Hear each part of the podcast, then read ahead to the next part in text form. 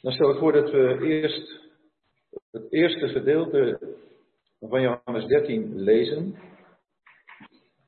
Johannes 13. En dan lezen we de versen 1 tot en met 20.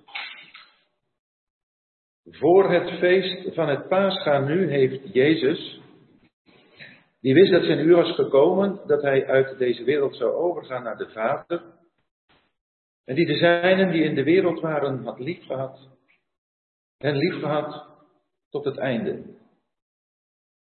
En tijdens de maaltijd, toen de duivel Judas Iscariot, de zoon van Simon, al in het hart gegeven had hem over te leveren, stond hij, terwijl hij wist dat de Vader hem alles in de handen had gegeven en dat hij van God was uitgegaan en tot God heen ging, van de maaltijd op en legde zijn kleren af.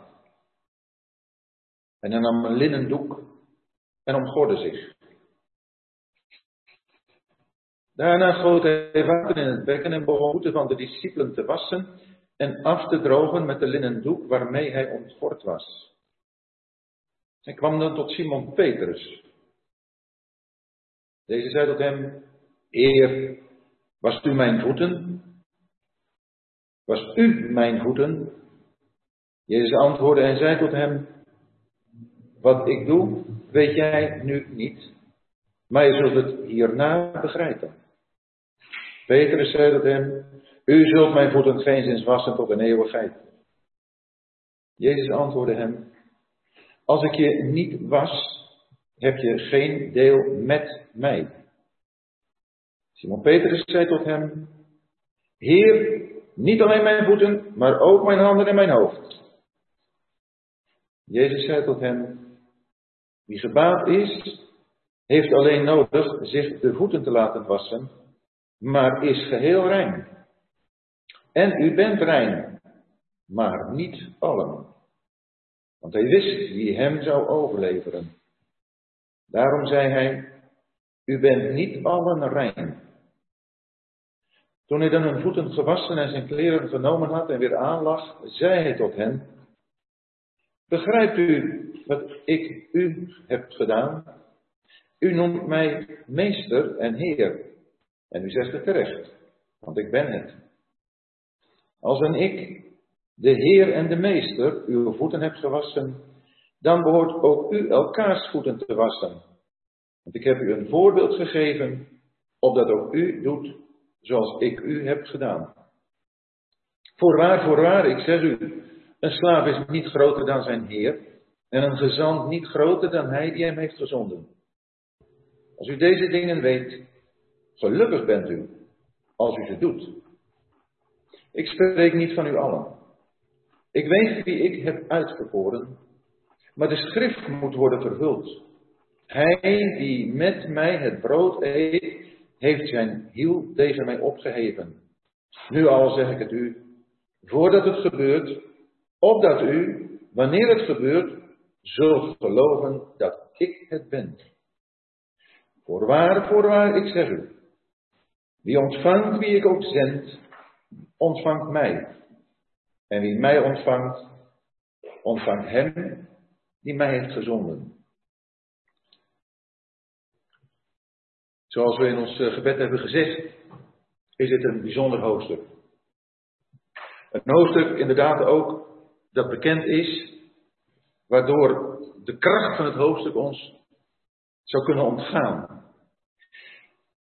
Maar door er zo weer eens over na te denken, heeft het opnieuw tot mijn hart gesproken. En ik wil graag proberen daar een paar dingen uit door te geven, met elkaar te delen.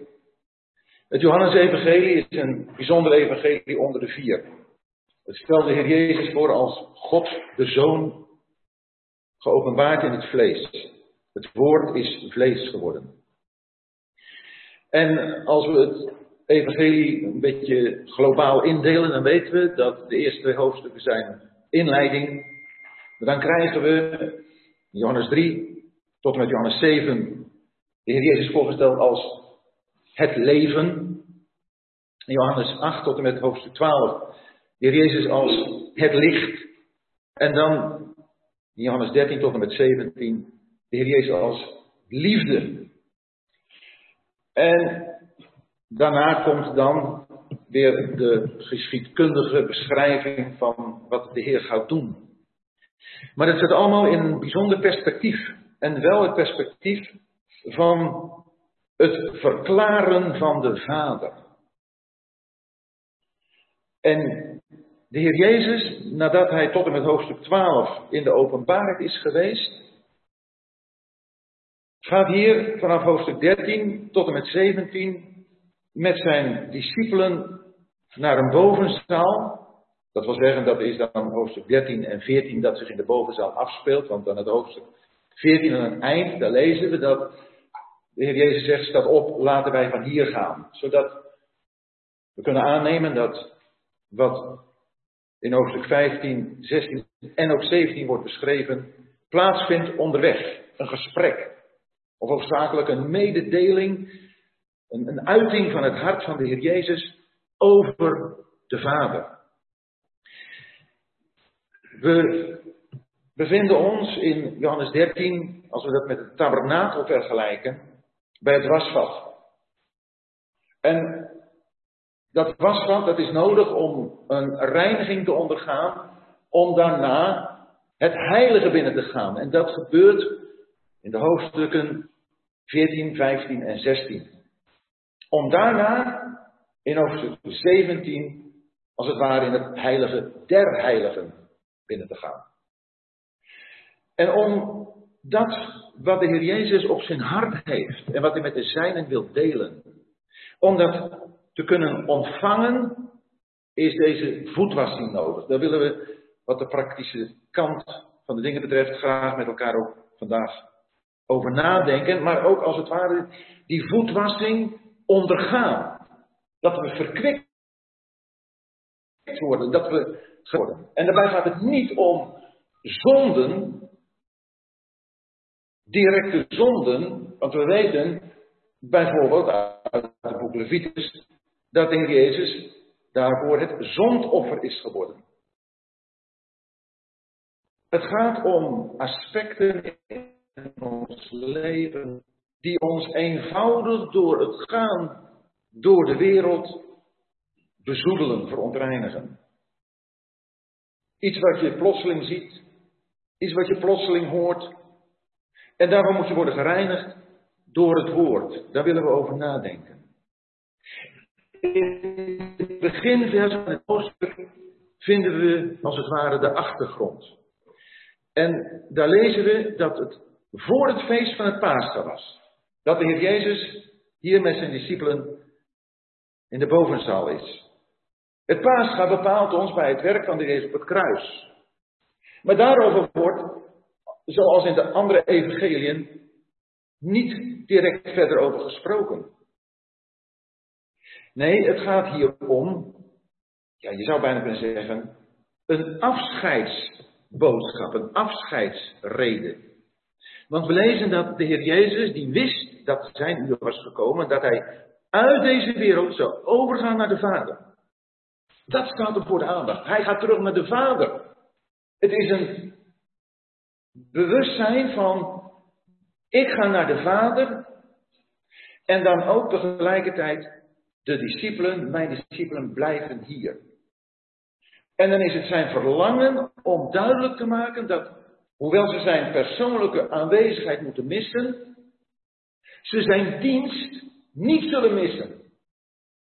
Want het is een dienst die hij op dit moment ook doet. En het is die van de voetwassing. Hij doet die voetwassing. En dat doet hij vanuit het motief van de liefde.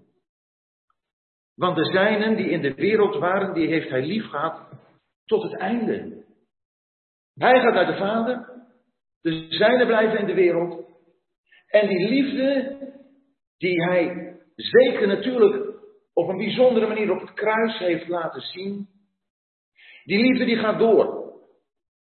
Die is daar op het hoogst bewezen.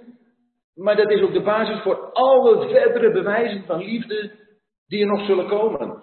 En waarvan we het einde niet zien. Het is een liefde die onpeilbaar diep is. En een liefde die onmetelijk groot en wijd en ja, oneindig is.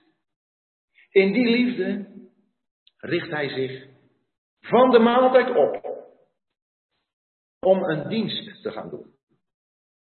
En dan staat er zo nog tussen, toen de duivel Judas Iscariot, de zoon van Simon, al in het hart had gegeven hem over te leveren. Wel, dat is nu de, het, het contrast dat we in dit evangelie vinden. Ik heb iets gezegd over dat het leven, het licht en de liefde zo in dit evangelie naar voren komen. Maar het leven staat over de dood in de wereld. En het licht staat over de duisternis in de wereld. En de liefde staat over, tegenover de haat van deze wereld. En hier vinden we dan ook, de, terwijl de Heer Jezus dit alles wist, een liefde die al deze boosheden die de wereld bevat, volkomen overstijgt. Ja, in wezen, als je een diamant wilt laten zien, dan word je meestal dan op een, een zwarte fluwelen achtergrond gelegd, om die diamant des te heerlijker te laten schitteren. En dat zien we hier bij de Heer Jezus. De duisternis die hem omgeeft en die in Judas aanwezig is, en we zullen daar ook nog verder over nadenken, die vormt het decor van een alles te bovengaande liefde. En het bewustzijn van dat de Vader hem alles in de handen had gegeven. Ja, dit gaat verder dan wat we lezen aan het eind van Matthäus. Daar zegt de Heer Jezus dat mij is gegeven alle macht in hemel en op aarde. Dat is geweldig. Hier is het alle dingen. Alles is in zijn handen gegeven. En als zodanig, in het besef van zoveel heerlijkheid, macht, majesteit. Die persoon is het die van de maaltijd opstaat en zijn kleren aflegt. En zich met een linnen doek omgort, om daarna zich te bukken. Om voeten, vuile voeten, van discipelen te wassen. Het hoort bij wat we daartussen nog lezen, dat hij ook van God was uitgegaan en tot God heen ging. De Vader had hem alle dingen in handen gegeven. En als we de naam Vader lezen, dan heeft dat vaak te maken met voorrechten. Als we de naam God lezen, dan heeft het vaak te maken met verantwoordelijkheden. En als het gaat om de Heer Jezus, dan weten we dat Hij, als het gaat om de Vader, de Zoon van de Vader is. Maar als het gaat om de Heer Jezus en God, dan weten we dat Hij mens op aarde geworden is. En als mens een dienstwerk heeft verricht, een opdracht heeft volbracht, die God hem had gegeven. In dit volle besef van wat de Vader hem heeft gegeven, wat God hem had opgedragen, en dat hij teruggaat naar die heerlijke plaats. Voordat hij teruggaat, gaat hij dit dienstwerk aan zijn discipelen verrichten. En dat doet hij ook nu. En dat wil hij ook vandaag doen. Een dienstwerk wat erop gericht is om ons, om ons, zullen we nog verder over nadenken, deel met hem te laten hebben. En dat is gemeenschap met de Vader ingevoerd worden in de gedachten van de Vader over de. Samen met de Heer Jezus de Vader verheerlijken. En dat, dat um, vraagt zoveel fijngevoeligheid dat we deze dienst nodig hebben. De dienst van het woord van God. Want daar is het waterbeeld van die voor iedereen openstaat. En dan is de vraag, wat betekent Gods woord voor mij? Wil ik mij laten dienen door Gods woord? Ben ik daarmee bezig? En ik hoop dat de Heer ons helpt om En ik vertrouw erop dat de Heer ons helpt om vanuit de hemel, zoals hij nu bezig is met ons, ook op dit moment, door dit gedeelte, ons een diepere indruk te geven van de voetwassing, zoals hij die aan ons verricht. Opdat we die ook aan elkaar zullen verrichten met dit doel. Gemeenschap met de Vader en de Zoon. Broeders en zusters, ik zou graag um, dat wat de broer Gerrit naar voren heeft gebracht opnieuw willen onderstrepen. Ik ben er volkomen van overtuigd, toen ik uh, dit bekende gedeelte opnieuw las, dat de Heer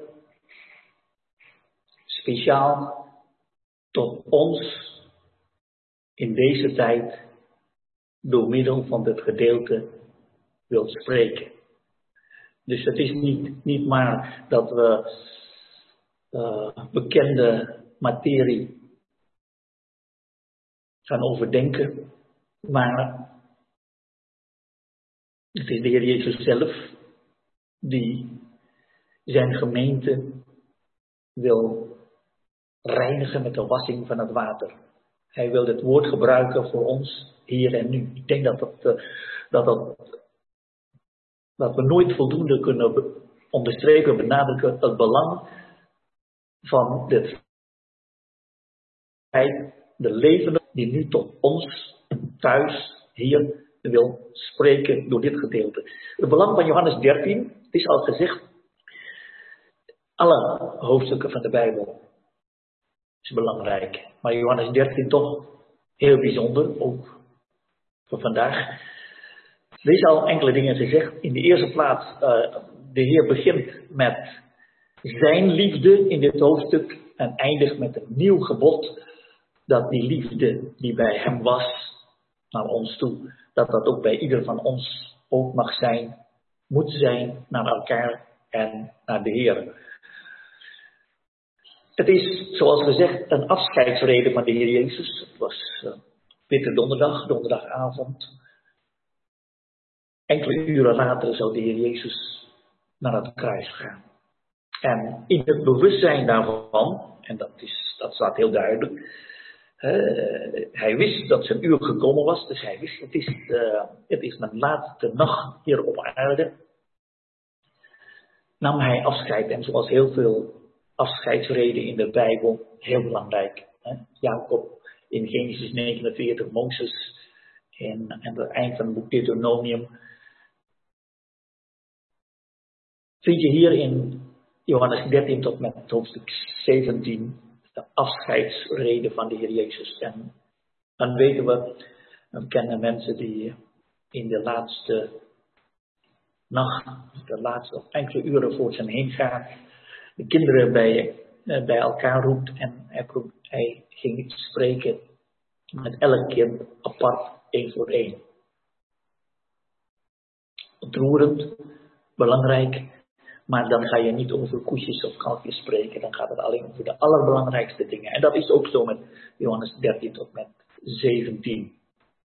Het is ook belangrijk, en daar blijkt uh, dat het hart van de Heer hier sprak, Zoals straks in vers 33 komt het woord kinderkens. Komt één keer voor in het uh, in Johannes Evangelie en komt zeven keer voor in uh, de brief van Johannes. En dat is een troeteldaad.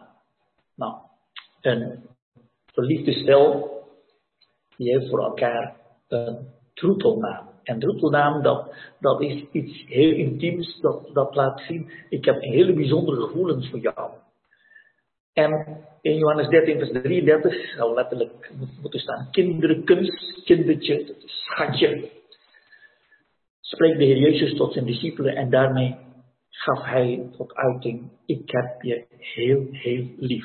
En in deze boodschap, intieme boodschap, sprak de Heer Jezus over zijn liefde.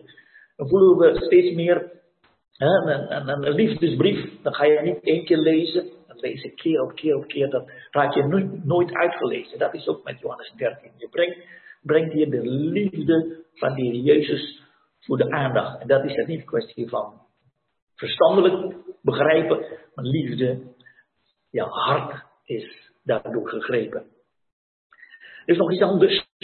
Is ook al gezegd uh, door broer Gerrit dat Johannes evangelie lijkt op de tabernakel. De Heer Jezus woonde, uh, het woord is vlees geworden en heeft onder ons gewoond, oftewel getabernakel. Johannes evangelie kun je vergelijken met de tabernakel. De eerste twaalf hoofdstukken heb je de voorhof. De dienst van de wereld. Hij als zijn licht, zijn liefde, zien wij dan als licht en liefde.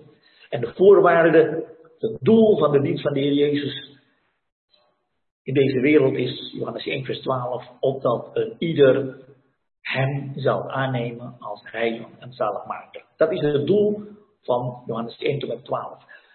Johannes 13 tot met 16 gaat over de Heer Jezus. En dan gaat het over zijn liefde. Gaat het heiligdom. Dat is niet de dienst in de wereld. De wereld is verlaten. Johannes 12 vers 36 zegt deze dingen sprak Jezus en hij ging heen en verborg zich voor hen. De dienst van de wereld is nu achter de rug. En nu komt de dienst tot de zijne. En dan zullen we zien dat eerst moest Judas weggaan voordat, uh, voordat de Heer vrij uit kan spreken. Maar je kunt het uh, vergelijken met, uh, het al gezegd, Exodus 30. Het was dat. Je hebt drie Bijbelgedeelten dat spreekt over reiniging. Nummer 19 uh, gaat dat over de wandel in de woestijn. Daar heb je reiniging bij nodig. In Exodus 30, bij de tabernakel, heb je wasvat. Als je in het heiligdom als priester wil staan, dan moet je eerst door, uh, het wasvat. En dan is het belangrijk om onderscheid te maken tussen de wijding van de priester en de dagelijkse reiniging van de priester bij het wasvat.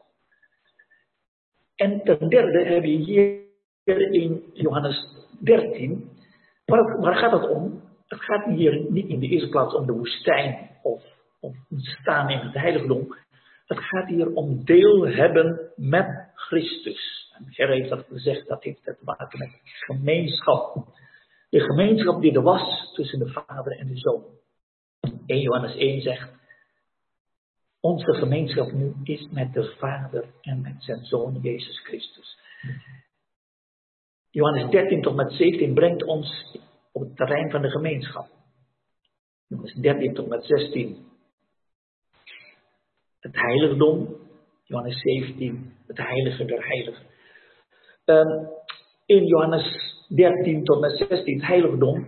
Kijk, ga je de tempel in, dan ga je, uh, ga je uh, naar binnen. En dan uh, langs het wasvat en dan kom je binnen en dan heb je een, een reukofferaltaar, een kandelaar en tafel de toonbroden. Maar ga je Johannes 13 binnen, dan kom je in Johannes 14 de Vader tegen. In Johannes 15 de Zoon, zwijnstok. Johannes 16 de Heilige Geest. De gemeenschap met de Vader en de Zoon, de kracht dat is mogelijk door de Heilige Geest ons gegeven. Dat maakt duidelijk hoe belangrijk dat is. Johannes 13 is, is niet maar een bekend gedeelte. Nee, dat is de sleutel tot dagelijks gemeenschap met de Vader en met de Zoon. En daarom is dat zo, zo ontzettend belangrijk Juist in deze tijd, een tijd van oppervlakkigheid, tijd van uh, uh, afstand, social distancing en anderhalf meter enzovoorts. Johannes 13 maakt duidelijk, als we deze weg bewandelen, hebben we gemeenschap met de Vader en de Zoon, dan is er geen afstand meer. Dan is er geen afstand meer. Dan hebben we een nauwe gemeenschap met de Vader en de Zoon. Daarom is dat, is dat uh, is dat gedeelte ook zo ontzettend belangrijk. Kijken we naar, uh, naar Johannes 13 uh, zelf. De wassing, dat heeft te maken met deel hebben met de Heer Jezus, dan wil ik nog dit onderstrepen. Er is een onderscheid tussen deel hebben aan de Heer Jezus. Dat is Johannes 1 vers 12. Hem aannemen als heiland en zaligmaker. Als je hem aanneemt als heiland en zaligmaker, dan heb je deel aan hem. Dan ben je een kind van God. Ben je wedergeboren. Dat is een eenmalige zaak. Eens voor altijd. Dat heeft te maken met verzoening. Hier gaat het niet om verzoening, gaat het om reiniging. En wel dagelijks reiniging. Het gaat hier om, niet om deel hebben aan de Heer Jezus. Het gaat hier om gelovigen. Maar als gelovige is de vraag: heb je deel met Christus? Wat betekent deel met Christus? Deel hebben aan de gemeenschap die Christus heeft met zijn Vader. Is dat niet belangrijk? Het allerbelangrijkste wat we hebben. Dat is dat wat eeuwigheidswaarde heeft. Dat is dat wat, wat ons ook bij elkaar bindt. En dat is het geheim van, uh, van Johannes 13. Johannes 13 eindigt dan met een nieuw gebod geef ik u. Nieuw betekent, die andere is oud. Dat zegt de Hebreeënbrief met nieuw verbond. Nieuw verbond betekent dat andere verbond is verouderd. Nieuw gebod betekent dat oude, dat andere is verouderd. Dat is niet fout, het is niet verkeerd, maar dit gaat er overheen. De Joden hebben van het Oude Testament 613 geboden gemaakt. Je hebt de 10 geboden, maar in de christenheid heb je één enkel gebod. Nieuw gebod. En wat is dat voor gebod? Dat is gebod dat we als broeders en zusters, kinderen Gods, elkaar mogen liefhebben zoals Christus ons lief gehad heeft. En eh, daar wil ik naartoe. En als we kijken naar de geschiedenis van de christenheid, de geschiedenis van broeders, afgelopen 200 jaar, onze eigen geschiedenis, afgelopen 20 jaar, dan ben ik ervan overtuigd geworden dat we juist daarin, in die liefde van Johannes 13, vers 34 en 35, hebben gefaald. En daarom ook het gebod van Johannes 13, voorbeeld van de Heer Jezus, zullen we met elkaar ter harte nemen. Hij heeft ons een voorbeeld nagelaten. Hij zegt in vers 13, gij noemt mij meester en heer. Hij zegt dat terecht, want ik ben het. We beleiden dat hij meester en heer is. Hij geeft ons onderwijs en hij is te gehoorzamen. Hij is heer. Als ik dan de heer en de meester in de praktijk moet hij eerst Heer zijn en dan kunnen we onderwijs hebben van Hem. Uw voeten gewassen hebt, dan zijt ook gij schuldig elkaar de voeten te wassen. Want ik heb u een voorbeeld gegeven. Met andere woorden, broeders en zusters. Wat we met elkaar overdenken is niet maar vrijblijvend uh, een stuk leer, een stuk Wat we met elkaar overdenken is kijken naar de Heer Jezus. Kijken naar zijn voorbeeld. En de Heer Jezus heeft ons een gebod, een opdracht om zijn voorbeeld na te volgen. We mogen dat wat de Heer Jezus gedaan heeft ook doen onder elkaar. Maar dat zullen we ook zien wat Petrus eerst geweigerd heeft, maar daarna toegestaan heeft. Dat ook doen in ons leven.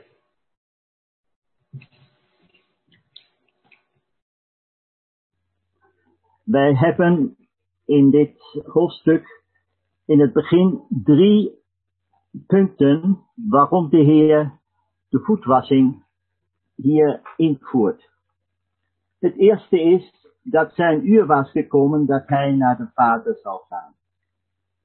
Een geweldige uur dat hij uit deze wereld terug zou gaan naar de Vader.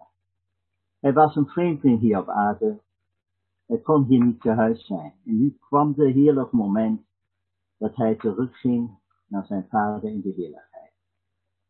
En dat was de oorzaak dat hij de voetwassing begon.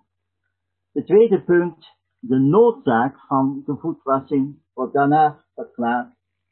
Hij heeft hier op aarde mensen gevonden die hem volgden, die hij hier noemt de zijne.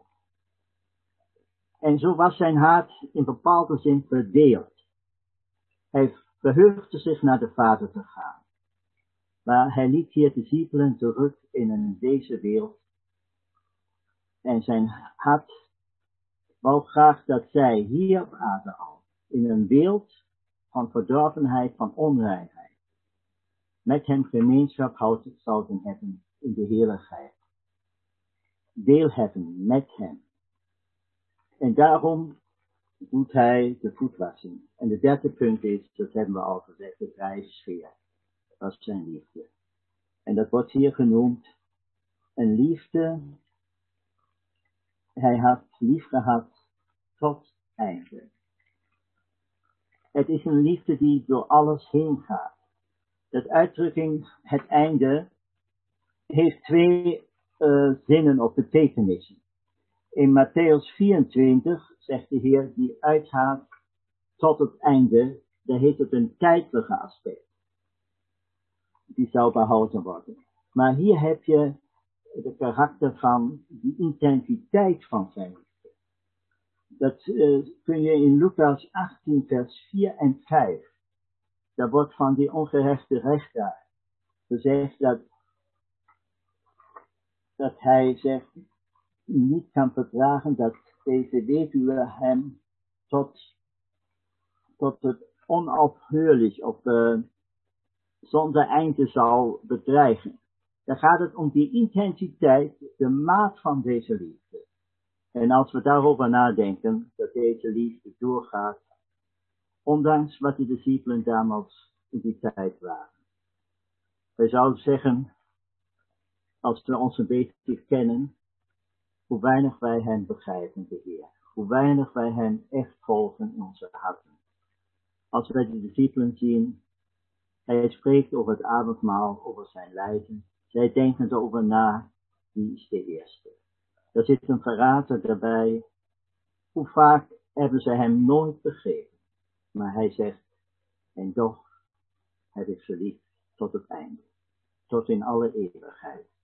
En dit einde is eigenlijk, als we een maatstaf willen hebben, Johannes 17, vers 24, opdat ze mij, bij mij zouden zijn, waar ik ben, tot in alle eeuwigheid.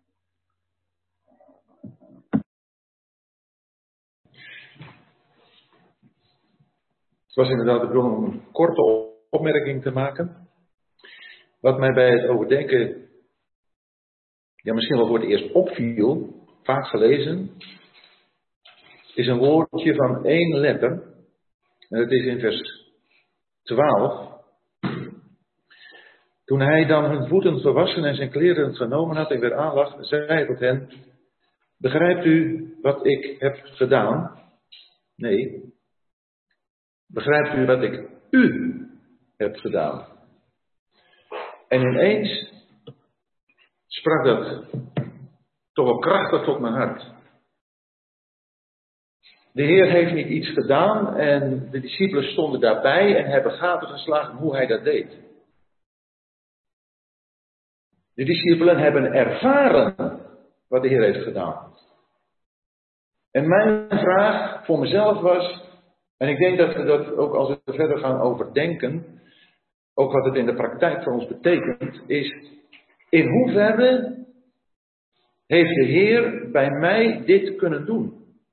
Heb ik dat ervaren? Heb ik al die voetwassing ervaren? Kunnen wij zeggen voor onszelf, en dat doen we niet altijd naar anderen toe te zeggen, maar ja, toen, toen heeft de Heer zo duidelijk tot me gesproken. Want er was iets in mijn leven waardoor ik die gemeenschap miste. En ik hoop zo dat we. En er zijn steeds. We zijn heel dankbaar als we mogen weten dat we de Heer Jezus kennen. Er is van gezegd, we, als we gebaat zijn, hebben we nieuw leven. Als we die wassing, Johannes 3, het opnieuw geboren zijn, en de wassing van de wedergeboorte, was een, een Titus 3, dat is een, een, een geschenk. En nu is het het verlangen van de Heer Jezus dat we dit geschenk ook beleven En dat zodra we merken, maar we hebben die gemeenschap ervaren we niet zo. En dat kan zomaar gebeuren dat we druk zijn met allerlei aardse dingen. Dat we ons helemaal begraven in onze aardse bezigheden. Dat zijn ook op zichzelf geen verkeerde dingen. Maar dan moet de Heer tot ons spreken. Luister, ik wil zo graag met je gemeenschap hebben. Ook, ook in die aardse dingen. Ook in dat wat je dagelijks doet. Heb, heb je dat wel eens ervaren? Eh, denk er eens over na. Zou je daar getuigenis voor kunnen geven? Toen heeft de Heer zo duidelijk tot me gesproken. Toen heb ik die verkwikking, want het is een verkwikking, hè? Het is niet maar die, eh, een vermaning, het, het is een verkwikking. De Heer zegt ook, gelukkig ben je als je dat doet. Niet van pas op, denk erom dat je dat doet. Gelukkig ben je als je het doet. Het gaat om iets wat we in de eeuwigheid volmaakt zullen hebben en wat hier op aarde ook kunt beleven.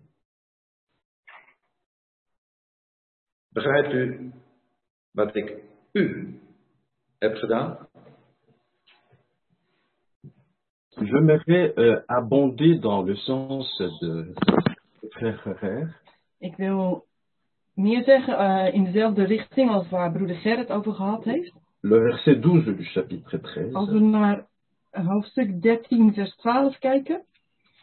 Ce que je vous fais, tu ne le sais pas maintenant, mais, euh, pardon, c'est le verset 12. Oui. Comprenez-vous ce que je vous ai fait? Uh, begrijpt u wat ik u gedaan heb? Alors, le Seigneur veut euh, laver les pieds de ses disciples. De Heer wil de voeten van zijn discipelen wassen. Il arrive chez Pierre. En hij komt bij Petrus. Et, et Pierre refuse. En Petrus weigert. Alors, oh, souvent nous ne comprenons pas, évidemment, cette nécessité du lavage de. En vaak begrijpen wij niet de noodzaak van de voetwassing. Et euh, aussi, le frère euh, Tony a rappelé le, Tony heeft het ook al gezegd. le caractère individuel, Het is een, la dimension individuelle de, het individuele, karakter en de individuele dimensie van wat de Heer doet. de cette intervention du Seigneur Van deze actie van de Heer in ons leven.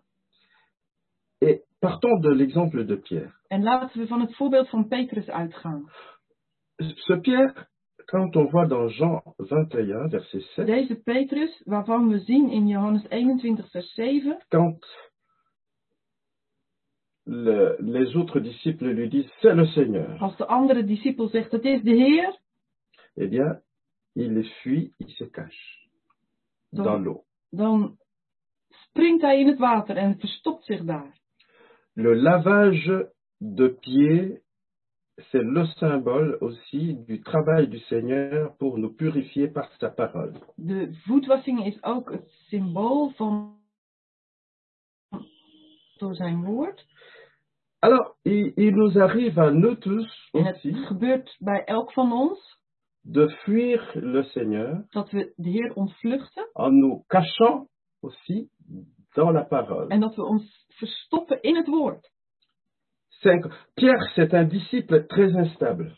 Petrus is een onstabiele discipel. Et il- nous lui ressemblons à plusieurs égards. En wij lijken op hem in een heleboel opzichten. Et dans ce point précis. En ook in dit opzicht. Ce point est subtil. En het is een subtiel punt. Et parfois même, c'est une de cause des difficultés dans les assemblées. En het is soms zelfs een reden voor moeilijkheden in de vergaderingen. Difficultés dans nos relations euh, personnelles, euh, interpersonnelles. Moeilijkheden in onze persoonlijke eh, relaties. Difficultés lorsqu'un travail pastoral se fait Moeilijkheden dans als notre er, vie. als er ehm, herderlijk werk gedaan wordt in ons leven. On, on, on, on fuit, oui, euh, We, le vluchten- Seigneur, we ontvluchten de Heer. mais on réagit en se cachant derrière la parole, en En- se cachant dans l'eau. En we reageren door ons achter zijn woord te verstoppen door in het water te springen. Et on prend notre vêtement, En we, notre propre justice, en we nemen onze eigen kleren, onze eigen gerechtigheid met ons mee. avec la parole pour refuser. C'est que le Seigneur lui-même nous dit. En daarmee weigeren we wat het woord ons zegt, wat de Heer Jezus zelf ons zegt. Une deuxième chose à souligner, En het tweede dat ik wil onderstrepen, c'est que évidemment, comme le frère Tony l'a dit, is zoals broeder Tony al gezegd heeft, ici, euh, il y a euh, un besoin clé, celui de la communion. het, de, de sleutelnoodzaak die we hier zien is die van gemeenschap. Avant le, ce, euh, voilà, ce repas avec les disciples, Voor dit, deze maaltijd met zijn et discipelen le Seigneur les prépare. heeft de Heer hen voorbereid. Est-ce que nous ne pensons pas aussi à ce qui nous est dit dans Apocalypse En 3 dat doet ons denken aan wat ons gezegd wordt in Handelingen 3 au sujet de l'église de la de Laodicée, Oh. Openbaring 3 over de gemeente in au Laodicea. verset 20, In vers 20, euh, le openbaring Seigneur 3 dit, vers je me 20. tiens à la porte et je frappe. Zie, ik sta aan de deur en ik klop. Si quelqu'un entend ma voix qu'il ouvre la porte, Als iemand mijn stem hoort en de deur opent, j'entrerai chez lui, zal ik bij hem je binnenkomen souperai avec lui, en de maaltijd met hem gebruiken en hij met mij. Et- mais avant cela, Maar daarvoor il le dit au verset 19, zegt hij in vers je 19, reprends et châtie ceux que j'aime. Ieder die ik lief heb, wijs ik terecht en bestraf ik. repentant. Wees dan ijverig en bekeer u. Et voilà, c'est ce travail de, de lavage de pieds. En dat werk van de voetwassing, Et euh, on a besoin, évidemment, de, de pouvoir être ainsi préparé pour ce souper avec le we Seigneur. hebben het allemaal nodig om voorbereid te worden om met de Heer te kunnen eten. On est dans un tout autre cadre que celui de l'église de la En natuurlijk is dit een heel ander kader dan dat van de gemeente in Laodicea. Mais euh, il est évident que le principe reste le même. Maar het principe blijft hetzelfde. Euh, C'est le principe de laisser le Seigneur travailler sur nous Het is het principe dat we de Heer aan ons laten werken pour nous rendre propres à la communion avec lui. om ons er klaar voor te maken gemeenschap met Hem te hebben. Il y a une question qui a été posée, euh, pourquoi, évidemment, ici, En een van de vragen was waarom le lavage de pieds se situe is de voetwassing geplaatst tussen entre le, la mention de ce que euh, oui, le, euh, Judas avait résolu de, de, de sacrifier le Seigneur tussen het besluit van Judas om de Heer te verraden et euh, la désignation ou l'identification de Judas. en het moment dat de Heer Judas Je identificeert als je, verrader. je suis, je vais peut-être plus. Maar misschien ga loin ik daarmee al te ver. Je vais peut-être pas arriver là. Mais euh, il est évident qu'il y a une préparation Maar het is heel duidelijk dat de voorbereiding die de Heer hier doet, eh, is wat Hij wil doen. Mais peut-être que je, on reviendra dans cette En section. misschien komen we daar in de volgende sessie nog wel aan toe. Ehm, ik wil graag nog even terugkomen op dat deel hebben met mij. Ik denk dat het een. eh, is al terecht eh, gewezen op de verbinding met eh, de Heer en met de Vader. De gemeenschap met hen beiden. Maar de hoofdstukken 13 tot 17 geven ook nog wat nadere informatie daarover. En die wil ik graag even met elkaar bekijken. In eh, hoofdstuk 14, vers 27 lezen we dat de Heer Jezus zegt: Vrede laat ik u, mijn vrede geef ik u. We zien dat we deel hebben met Hem, maar dan ook aan Zijn vrede. In hoofdstuk 15, vers 9, staat: Zoals de Vader mij heeft liefgehad, heb ook ik u liefgehad. Blijft in mijn liefde. Niet alleen zijn vrede, maar ook zijn liefde deelt hij met ons. In hoofdstuk 15, vers 11, vinden we: Dit heb ik tot u gesproken, opdat mijn blijdschap in u is en uw blijdschap volkomen wordt. En we vinden datzelfde ook nog in hoofdstuk 17. het dertiende vers. Maar nu kom ik tot u, zegt de Heer tegen de Vader, en spreek dit in de wereld, opdat ze mijn blijdschap volkomen hebben in zichzelf. De Heer geeft deel niet alleen met zijn vrede en zijn, aan zijn liefde, nee, met zijn liefde, maar ook met zijn blijdschap. In hoofdstuk 16 wordt gesproken over de geest. Hoofdstuk 16, vers 13. Maar wanneer hij is gekomen, de geest van de waarheid, zal hij u in de hele waarheid leiden. Want hij zal vanuit zichzelf niet spreken, maar alles wat hij zal horen, zal hij spreken. En de toekomstige dingen zal hij u verkondigen. Dan komt het, hij zal mij verheerlijken, want hij zal uit het mijne nemen en het u verkondigen. We vinden in hoofdstuk 17 nog een aantal zaken die de Heer met ons deelt in hoofdstuk 17, vers 2. Laten we maar bij het laatste stukje van vers 1 beginnen. Vader, het uur is gekomen, verheerlijk uw zoon, opdat uw zoon u verheerlijkt. Zoals u hem macht hebt gegeven over alle vlees, opdat alles wat u hem hebt gegeven, hij hun eeuwig leven geeft. En dit is het eeuwige leven, dat ze u kennen, de enige waarachtige God, en Jezus Christus, die u hebt gezonden. De Heer deelt zijn leven met ons, maar hij deelt ook zijn heiligheid met ons, volgens vers 19. En ik heilig mijzelf voor hen, opdat ook zij geheiligd zijn door de waarheid. En dan vinden we in vers 22 de laatste zaak die hij deelt, als ik dat zo oneerbiedig zaak mag noemen, want het zijn, het zijn enorme zegeningen die de Heer ons deelachtig maakt. Vers 22, en de heerlijkheid die u, Vader, mij hebt gegeven, heb ik hun gegeven. Opdat ze één zijn, zoals wij één zijn. Broeders en zusters, hij geeft deel aan zijn vrede, zijn liefde, zijn blijdschap, zijn geest, zijn leven, zijn heiligheid en zijn heerlijkheid.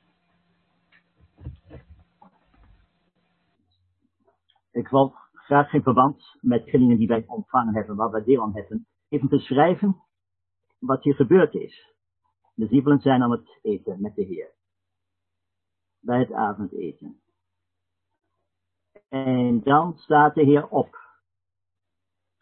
En begint met de voetwassing. De Heer heeft ons in uh, een geweldige zegening gebracht. Wij mogen gemeenschap hebben met Hem. Gemeenschap met de Vader en met de Zoon. En als Hij nu opstaat, dan nooit door iets gestoord wordt. En dan vinden wij zeven punten die hij doet. Het eerste is, hij staat op. Het tweede punt is, hij legt zijn kleren af, zijn bovengekleed. Hij verlaat deze relatie die hij met zijn discipelen had hier op aarde en gaat naar de hemel.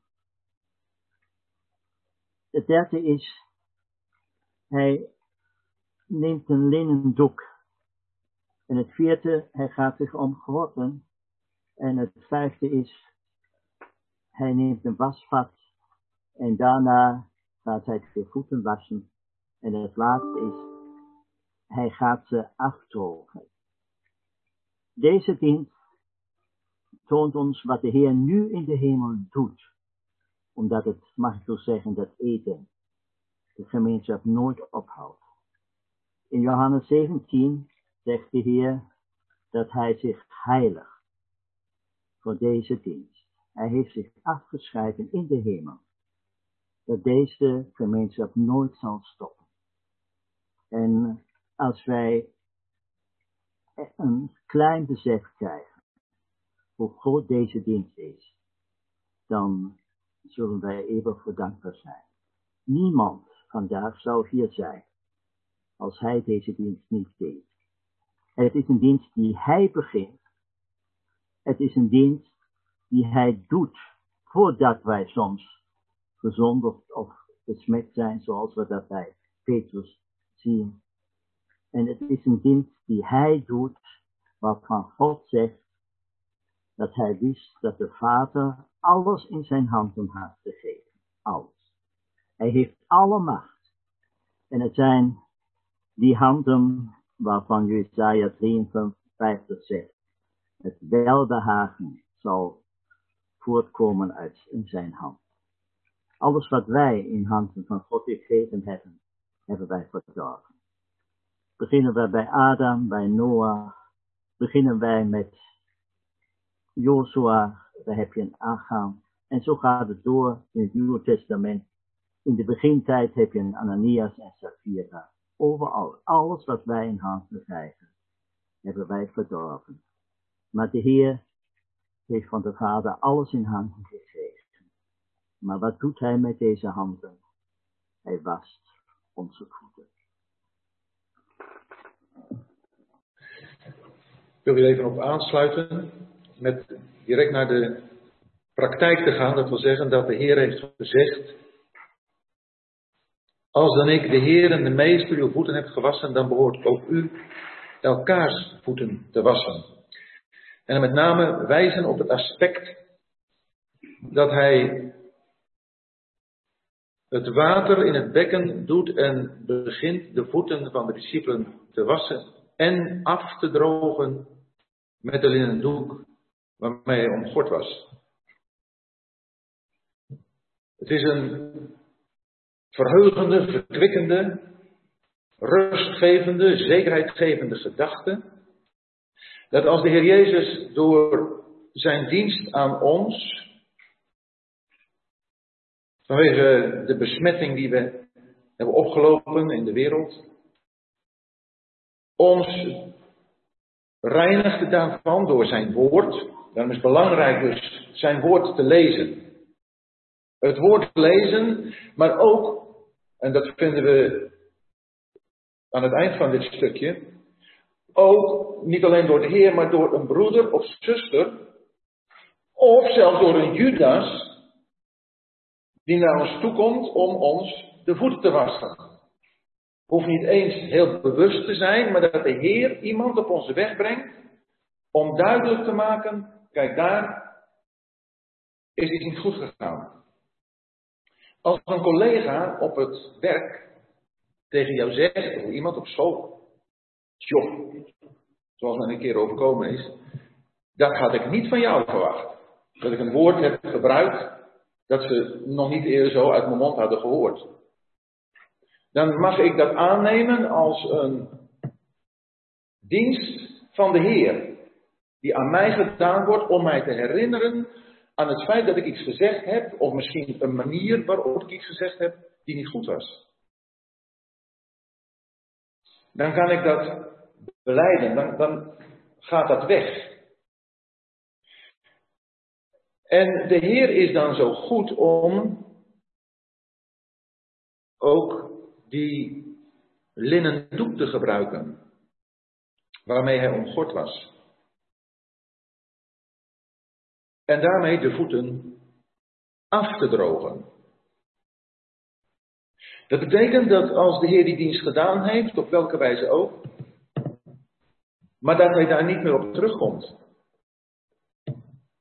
En hoe belangrijk is dat in de praktijk van, laten we maar gewoon op onszelf toepassen, onze omgang met elkaar als broeders en zusters, of ook in het gezin, als iets is tussen man en vrouw, tussen ouders en kinderen.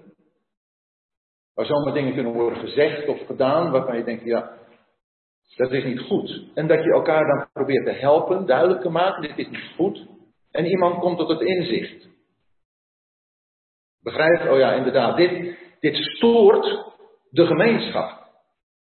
als een kind iets doet, of in het huwelijk iets gebeurt, waardoor de een of de ander gekwetst is, dan is het een inbreuk op de gemeenschap.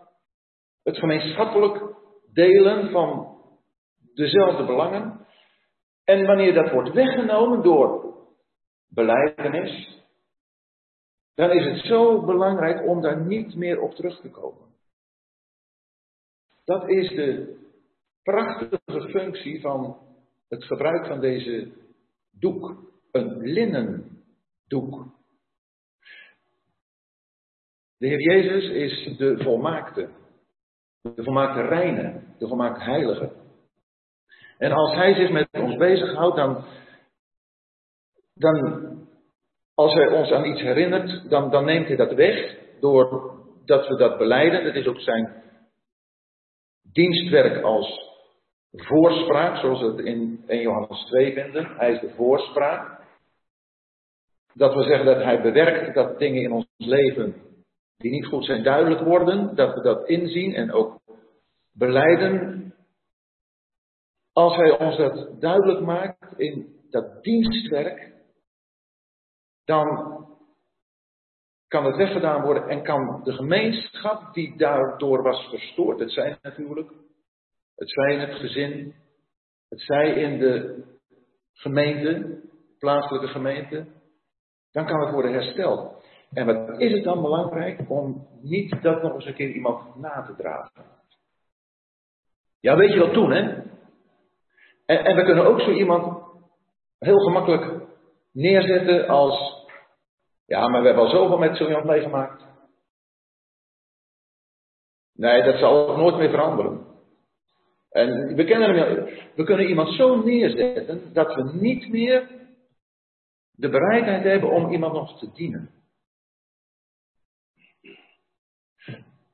Dit is een dienst die, de Heer heeft gezegd, er is op gewezen, gelukkig maakt. Maar is het ook een verlangen van ons om te dienen? Het is een dienstwerk. De Heer Jezus, die alle dingen van de Vader in handen heeft gekregen, bukt zich. Hij gaat op de knieën. Bij zijn discipelen gaat hij op de knieën. Ja, Petrus wil er helemaal niet van weten. Maar willen wij weten van die dienst? Het is een belangrijk aspect dat ik gediend wil worden en ook wil dienen. Het is wederzijds. En dan, als die dienst er is, dat niet meer na te dragen. Dat betekent niet dat je er nooit meer over mag praten. Maar niet in verwijtende zin. Kijk, als er niet over begane zonden meer zou mogen worden gesproken, dan hadden wij ook niet in de Bijbel de zonde van David met Bathsheba. En al die andere zonden van medegelovigen, van geloven in het Oude Testament die zo duidelijk in het schrift worden getekend. Ze staan daar. Maar niet om dat steeds maar weer als een verwijt aan ons voor te houden, maar als een waarschuwing. En we weten ook dat, van David natuurlijk heel duidelijk, dat de zonden vergeven zijn. En de David kan zeggen, wel gelukzalig de mens van wie de zonden vergeven zijn. Wie de Heer de ongerechtigheid niet toerekent. En zo is de Heer Jezus met ons bezig.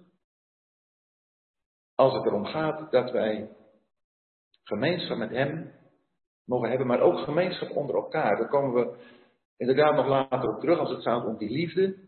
Maar dat wordt toch hier al aangegeven als een aspect van de grootste betekenis om hier op aarde al die gemeenschap te beleven die tot een eeuwigheid in het vaderhuis, met de vader en de zoon en met elkaar mogen beleven. Maar we kunnen er hoge en, en geweldige gedachten over hebben. Maar als we het onder elkaar niet praktiseren, hebben we van het onderwijs van de Heer niets begrepen. En de Heer wil ons daar inzicht in geven door wat op zijn hart is, in zijn hart is. Zo met ons te delen dat hij ons een voorbeeld heeft nagelaten. Dat hij aan ons heeft gedaan, opdat wij hem daarin zouden navolgen. En wat zal dat zijn hart gelukkig maken? Als dat in mijn leven, in ons leven, in praktijk wordt gebracht.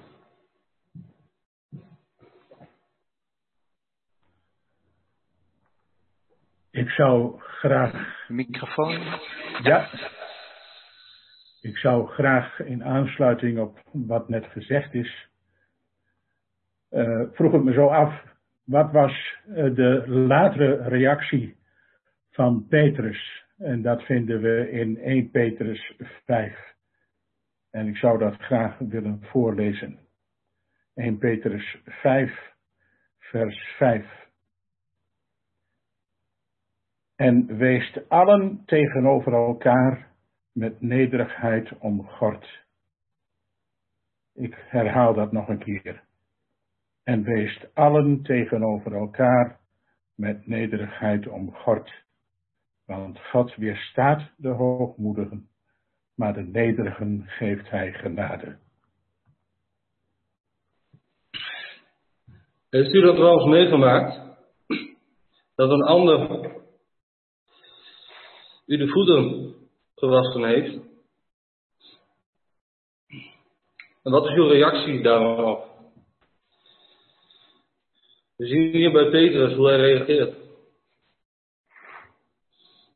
En hoe vaak is ook onze reactie zo als anderen? Iets zien in uw, of misschien wel in mijn leven, wat niet goed is. En je daarop aanspreken. De eerste reactie is dan dat je je er tegen gaat verzetten. Dat we het al gehoord hebben. Maar hoe belangrijk is het dat als dat gebeurt in uw en mijn leven om daar naar te luisteren. Ik kan zeggen uit eigen ervaring dat als je daar naar luistert, dat dat zegeningen in je geloofsleven meebrengt. En dan lezen we ook in Hebreeën 12, misschien mogen we die teksten lezen. Hebreeën 12, daar lezen we in vers 1. Daarom dan ook, daar wij zo'n grote wolk van getuigen rondom ons hebben, laten ook wij alle last en die zonde die ons licht omsteekt afleggen en met verharding de wet oplopen die voor ons ligt. Terwijl wij zien op Jezus de overste leidsman en voleinde van het geloof. Daar moeten we naar kijken. Naar de Heer Jezus. Die om de vreugde die voor hem lag, het kruis heeft gedragen, terwijl hij de schande heeft veracht. En die is gaan zitten aan de rechterzijde van de troon van God. Hij, zit, hij is nu daarboven. We hebben al gehoord dat hij onze voorspraak is bij de Vader.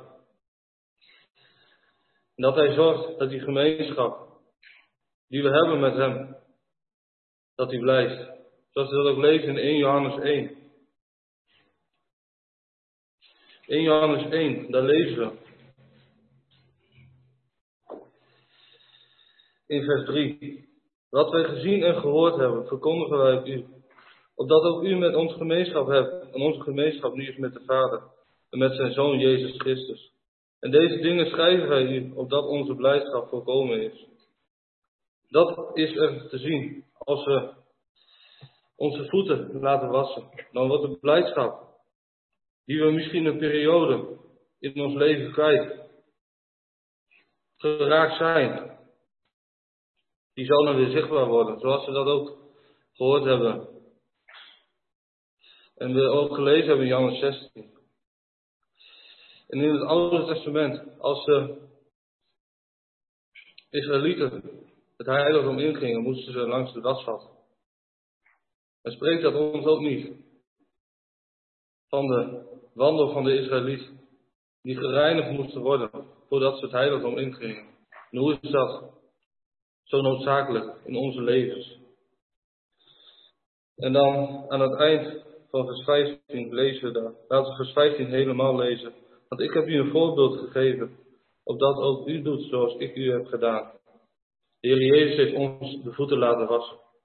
Wij zijn alle broeders van elkaar.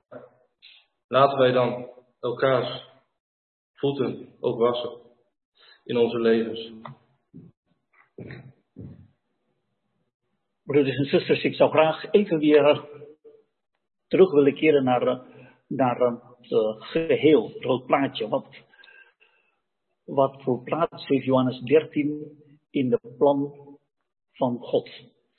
Wel, het is al gezegd in Johannes Evangelie gaat het over de Jezus als de Zoon van God. Johannes 1 maakt duidelijk dat hij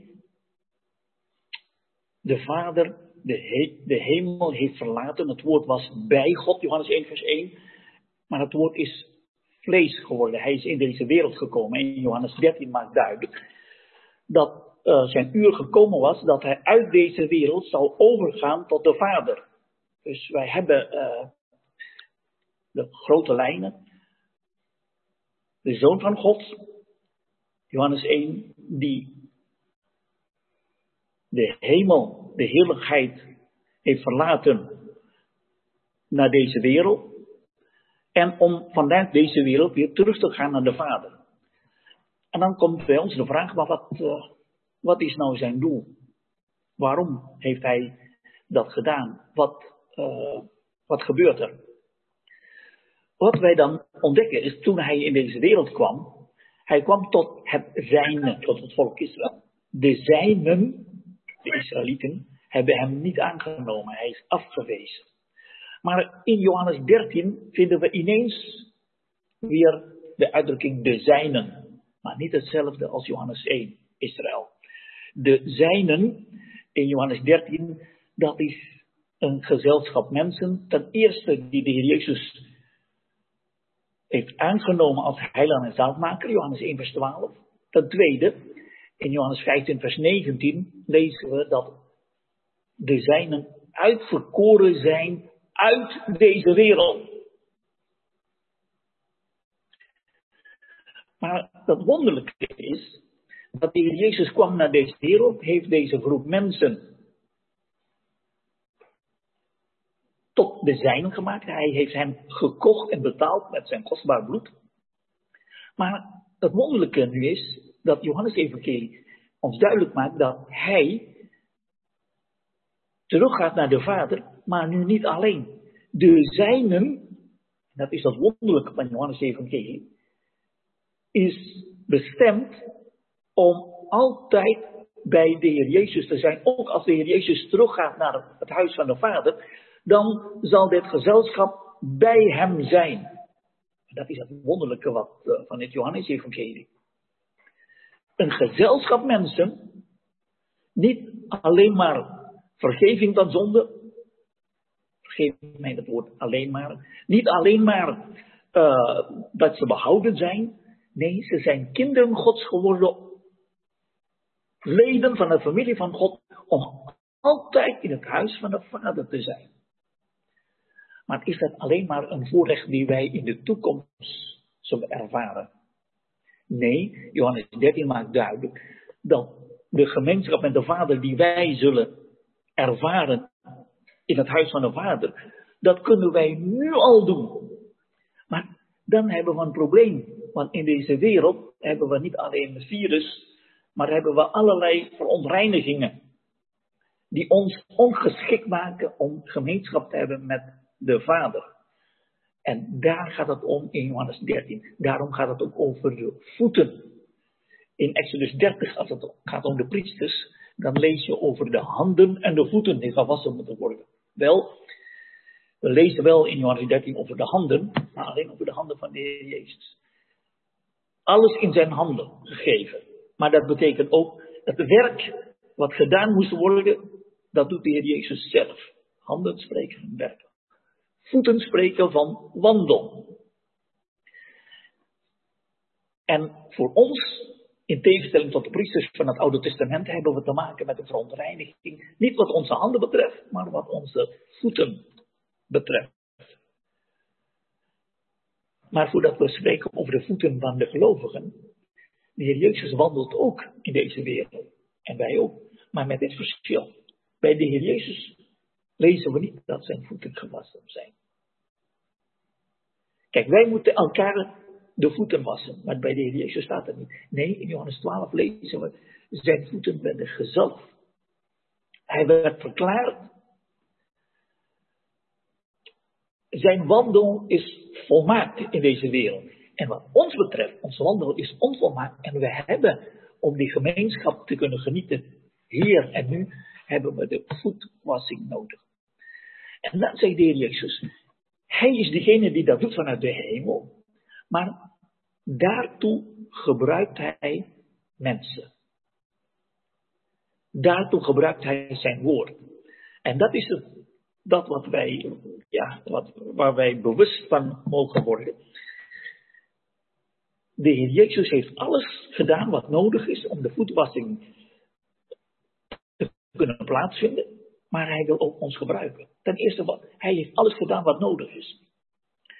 Aan zijn sterven, bij zijn sterven aan het kruis van Golgotha lezen wij in Johannes 19, vers 28, dat toen hij stierf, toen stroomde bloed en water uit zijn zijde. En 1 Johannes 5 maakt duidelijk dat de Heer Jezus gekomen is met water en bloed. Bloed, verzoening, water, reiniging. Reiniging in tweeërlei opzichten. Toen wij tot geloof zijn gekomen, zijn wij gereinigd.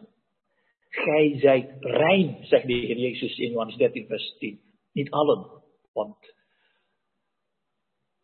Judas was niet bekeerd. Maar dan hebben we ook de reiniging die we dagelijks mogen ervaren. Het bloed spreekt van verzoening. Voor God. Het water is voor ons, het spreekt van reiniging. En dan heb je ook nog in Johannes 5 de geest. De geest spreekt van verzegeling, teken van eigendom. Dat is onveranderlijk eigendom van de Heer Jezus, van God. Die drie dingen. Water, bloed en de geest. De Heer Jezus is gekomen om ons toe te rusten, opdat wij nu al die gemeenschap met de Vader en de Zoon kunnen hebben. Maar dan kom je naar Johannes 13 en dan zegt de Heer Jezus, in de praktijk, in de praktijk wil de Heer Jezus gelovigen gebruiken. En daarom in vers uh, 14 lezen we, gij zijt ook schuldig elkaar de voeten te wassen. Dus dat wat de Heer Jezus gedaan heeft en dat wat Petrus heeft laten doen. Die twee dingen. Het eerste, wat de Heer Jezus heeft gedaan, de voeten van de anderen wassen. Wel, daartoe lezen we dat de Heer Jezus in vers 4 ehm, stond van de maaltijd op en legde zijn kleren af. Wat dat betreft is dat vergelijkbaar met Filippi 2. In Filippi 2 lezen we dat de Heer Jezus geen roof heeft geacht God gelijk te zijn.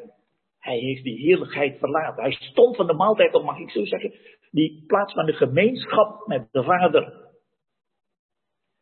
Hij heeft de gestalte van een slaaf aangenomen. Dat is wat we hier lezen. Hij legde zijn kleren af, nam een linnendoek en omgorde zich. En als hij daarin een voorbeeld heeft nagelaten voor ons, dan mag ik zo zeggen, het is een taak van elk gelovige om de andere de voeten te wassen. Nou, wij zijn vaak meer als Petrus. Wij gebruiken het woord van God niet zozeer als water om te reinigen, maar als zwaard om de oren van de anderen af te hakken. En dat is wat, wat wij hier mogen leren. De voeten wassen. En de vraag die we mogen stellen is, als ik naar een ander toe ga, is het in mijn bewustzijn dat ik dat doe om zijn gemeenschap met God te herstellen. in het bewustzijn dat als die andere in een verkeerde toestand zit, dat ik niet zeg, nou ben ik mijn broeders hoeder, of wat, waarom zou ik het doen? Maar dat ik besef dat elk zonde, elk probleem een verhindering is in de gemeenschap met de Vader. En dat is het doel van uh, voetwassing. Wij, wij zijn vaak, we gaan, gaan naar iemand toe omdat wij ons onrecht zijn aangedaan. Of omdat wij vinden dat iets niet goed is. Maar het doel mag zijn om die anderen te winnen. Het, gaat zo ver, als je ziet dat een gelovige op verkeerde weg gaat, of een gelovige, ja, soms iemand zelfs uh, onder tucht of uitgesloten, dan zou je dit moeten zeggen: wij hebben gefaald om de dienst van voetvassing te doen. Anders was het niet gebeurd. Dat is de ene kant, dat wij, als het ware, wij moeten ook, als het ware, opstaan. En dat opstaan van de maaltijd, dat mag ik zo zeggen, dat is onze comfortzone verlaten. Want dat kost energie, kost geestelijke energie, kost moeite. Er zit altijd een drempel voor ons om naar de andere toe te gaan, om ik, heb ik merk bij mezelf hoeveel moeite ik heb. Ik zie dat dat iets niet helemaal goed is. Maar om daar naartoe te gaan, om naar die broeder te gaan, om dan te kunnen spreken, om dat vertrouwen van die broeder te hebben, om dat, daarover te kunnen spreken, dat kost geestelijke energie. En dan denk ik, nou, ik heb kennelijk in het verleden te weinig gemeenschap, te weinig contact om dat te kunnen doen. Want je moet toch vertrouwen in elkaar hebben, wil je dat kunnen doen. Dat is één. Ten tweede, het is niet alleen een zaak om naar de andere toe te gaan. Het gaat het woord elkaar. Dat betekent dat je ook de plaats van Petrus mag innemen. Maar dan denk ik aan de tekst wat broeder Bert heeft voorgelezen met ootmoed omgord. Een van de grootste problemen van christenen, of je pas bekeerd bent, of je een verre gevorderde bent in het geloof, is de bereidheid om gecorrigeerd te worden. Dat merk ik bij mezelf. Uh, de eerste reactie, eerste neiging wat je hebt als iemand komt om iets te zeggen, is, is afwerend. Net als Petrus. Normaal. Blijf van mijn voeten af. Wie denk jij dat je bent? En het grootste probleem ook van broeders die begaafd zijn, die hoge positie innemen onder christenen, is dat ze zo hoog zijn dat je niet meer bij zijn voeten komt. Niet alleen maar op een voetstuk, maar heel hoog verheven. En onze bede is, Heer, help mij dat ik met beide benen op de grond zit, opdat iedereen erbij kan. Help mij om, uh, om niet boven alle kritiek verheven te zijn. Ben ik nog bereid om gecorrigeerd te worden?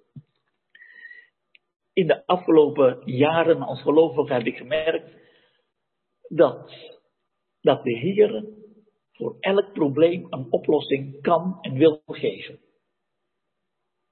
Behalve, behalve als iemand dat niet wil. Zijn veel gelovigen met psychische problemen, met psychische nood, met geestelijke nood. Maar als zo'n broeder of zuster bereid is om geholpen te worden, en dan heb ik, denk ik meteen aan heel veel voorbeelden, dan is er altijd hoop, dan is er altijd een mogelijkheid. Het probleem zit dan altijd hierin, op het moment dat je in een probleem, problemen hebt, maar je bent niet bereid om je te laten helpen. Ik heb altijd gezegd, als je naar school gaat en je bent dom, helemaal niet erg, maar je gaat naar school om te leren. Maar je hebt een probleem als je dom bent en eigenwijs. Dat is een probleem. Want dan, dan, eh, dan ben je fout en toch denk je dat je gelijk hebt. Dat is eigenlijk het probleem van Petrus. Petrus zat fout en toch, en toch liet hij zich niet door de Heer corrigeren. Integendeel, hij probeerde de Heer te corrigeren. En wat wij mogen leren, is de les van Petrus 1 Petrus 5. Dat wij met ootmoed bekleed. En ootmoed concreet betekent ik ben bereid om mij te laten corrigeren. En dat is eigenlijk de vraag die wij mogen stellen. Ook als u. Kijk, uh, en dan praat ik even on- on- onder ons als broeders en zusters met, eh, met onze problemen. Vaak is het zo dat we zeggen, nou, eh, eh, ons kennen is, is beperkt. We weten het niet zeker, we zien alles door matglas. Maar als het gaat om het beginsel van het samenkomen, oh, dan weten we het heel zeker tot aan de puntjes. En zo zeker dat we ons niet meer laten corrigeren. Ik noem even één voorbeeld dichtbij, wat ik bij mezelf herken. Maar dat geldt natuurlijk op alle terreinen van het leven. Als het gaat om het virus, als het gaat om, om, om mondkapjes, als het gaat om alle mogelijke dingen, hebben we allemaal onze eigen mening. Maar de vraag bij ons is, je mag je eigen mening hebben. Maar laten wij ons wat dat betreft nog corrigeren. En dan gaat dat om, om iets waarvan je zegt, nou ja, dat is, dat, is, uh, dat is concreet, dat is duidelijk en dat is kwestie van kennis enzovoort. Maar, maar de vraag in dit alles is, in ons hele geestelijk leven, de bereidheid om gecorrigeerd te worden. En Johannes 13 maakt duidelijk, een van de essentiële dingen van het christelijk leven, kenmerk van de liefde, dat gebod, liefdesgebod van de Heer, heeft te maken met de bereidheid om gecorrigeerd te worden.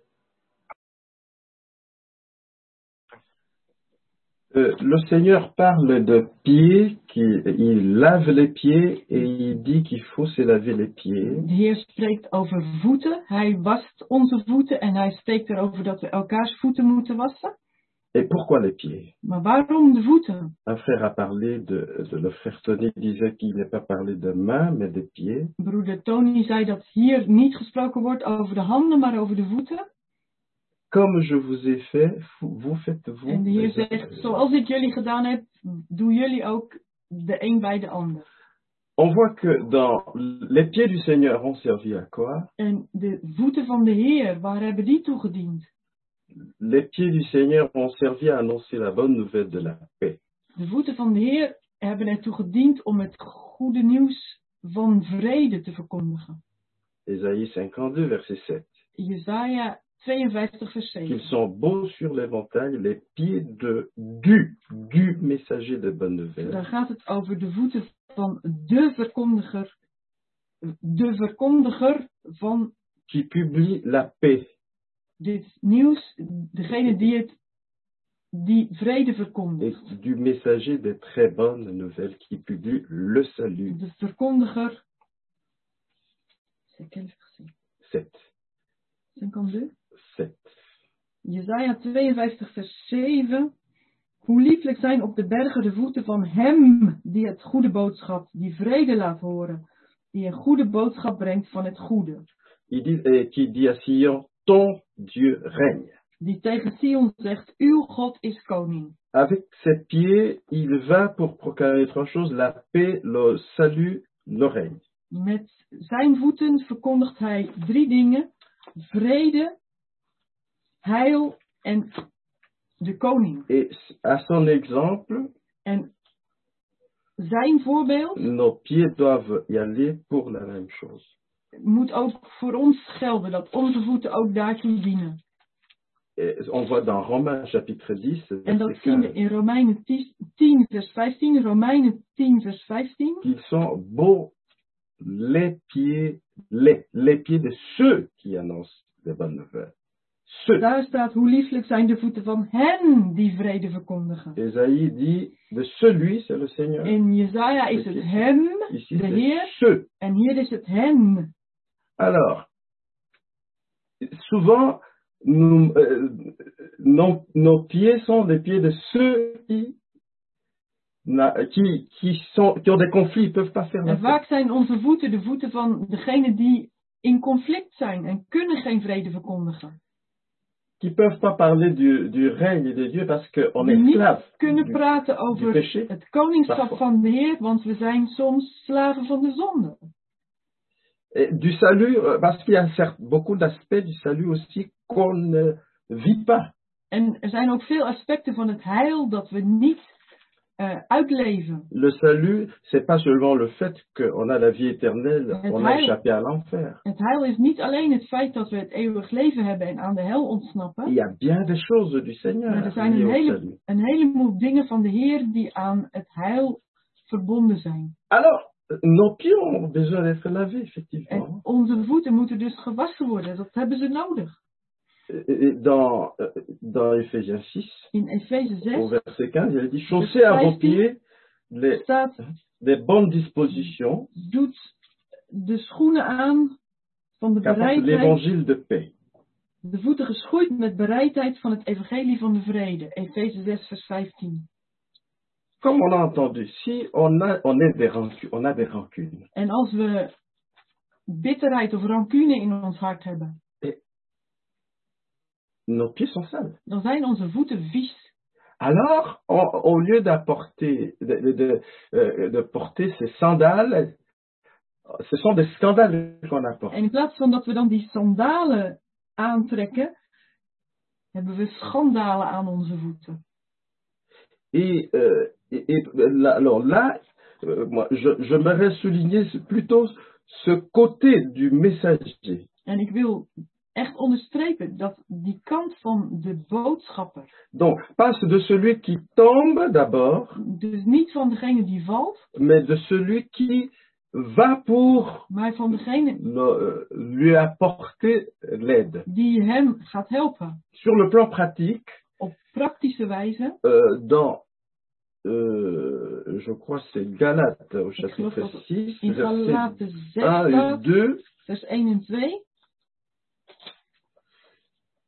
Alors. Broeders, ook als iemand onverhoeds tot enige overtreding komt, moet u die geestelijk bent zo iemand weer terechtbrengen in een geest van zachtmoedigheid. Houd intussen zelf in het oog, uzelf in het oog, opdat ook u niet in verzoeking komt. Draag elkaars lasten en vervul zo de wet van Christus. Et verset 3.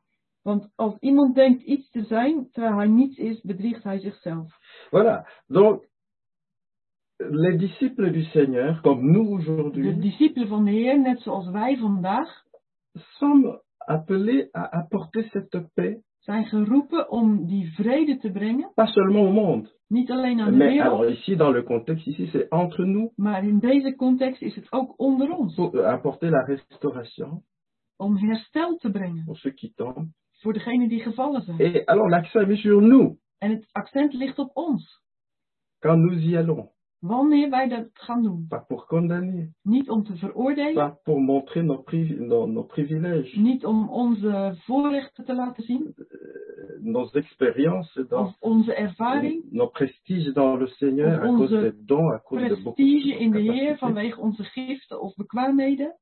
Mais aller dans une attitude qui est celle du Seigneur. Maar om te gaan in die houding waarin de Heer ook ging. dans cette mesure-là, En het is in die mate on peut apporter la paix, dat we dan ook vrede kunnen brengen. on peut apporter la restauration. En dat we herstel kunnen brengen. C'est dans cette attitude qu'on peut Het is in die houding ce lavage de dat we voeten kunnen wassen. ayant nos pieds nous-mêmes, nos pieds lavés. Nadat onze eigen voeten gewassen zijn. Zo onder het eh, luisteren en met elkaar delen, heb ik een gedachte die ik toch ook even wil doorgeven. En dat is, versmallen wij wat de Heer hier doet, niet te veel tot het eh, concreet kunnen aanwijzen van dingen die niet goed zijn. Waarna we naar iemand toe gaan, of iemand naar ons toe komt, om daarop te wijzen, zodat het kan worden weggedaan en de gemeenschap met de Heer met elkaar wordt hersteld. Is het niet in de eerste plaats zo? De Heer Jezus hier bij zijn discipelen, er zijn geen concrete zonden hier aanwezig. Wat de Heer doet is het water naar die voeten toe brengen, opdat wat er aan verontreiniging is, wordt weggedaan. En zou de praktijk van de toepassing niet dit kunnen zijn? Dat wij meer met elkaar over het woord spreken. Als we met elkaar delen wat we in het woord vinden. dan zal dat zijn effect hebben op mijn leven. Als het echt voor mij leeft. En we delen dingen over de Heer Jezus. Dat kan in een samenkomst zijn, dat, dat kan onder elkaar zijn. Maar als wij alle dingen van het leven die we met elkaar bespreken, of het nu over ons werk gaat, over onze hobby, over onze andere vormen van vrije tijdsbesteding, over de plannen die we maken. Als we het allemaal leren zien in het licht van Gods woord, zou dat dan niet zijn reinigend effect hebben op de motieven waarmee we dingen willen doen? Op hoe wij bezig zijn met bepaalde zaken? Dit reinigend aspect van het woord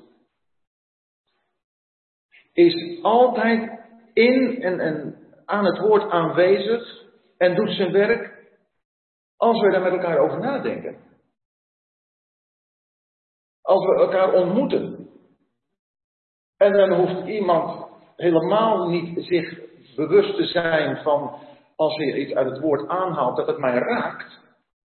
Dat ik ineens herken, ja inderdaad. Maar dat is denk ik de werking van het woord.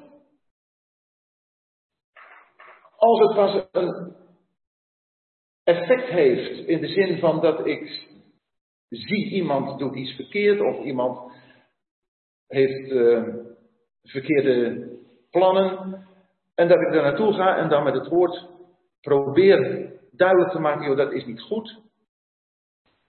Dan, dan is het zeker ook een goed gebruik van het woord. Maar dan denk ik dat we toch wat we hier hebben te veel versmallen. Het gaat om een veel rijkere toepassing. We weten dat in het Johannesevangelie het zondoffer niet aan de orde komt. Het vraagstuk van de zonde als zodanig wordt niet besproken. Alles gebeurt hier met het oog op de gemeenschap met de Vader en de Zoon en met elkaar.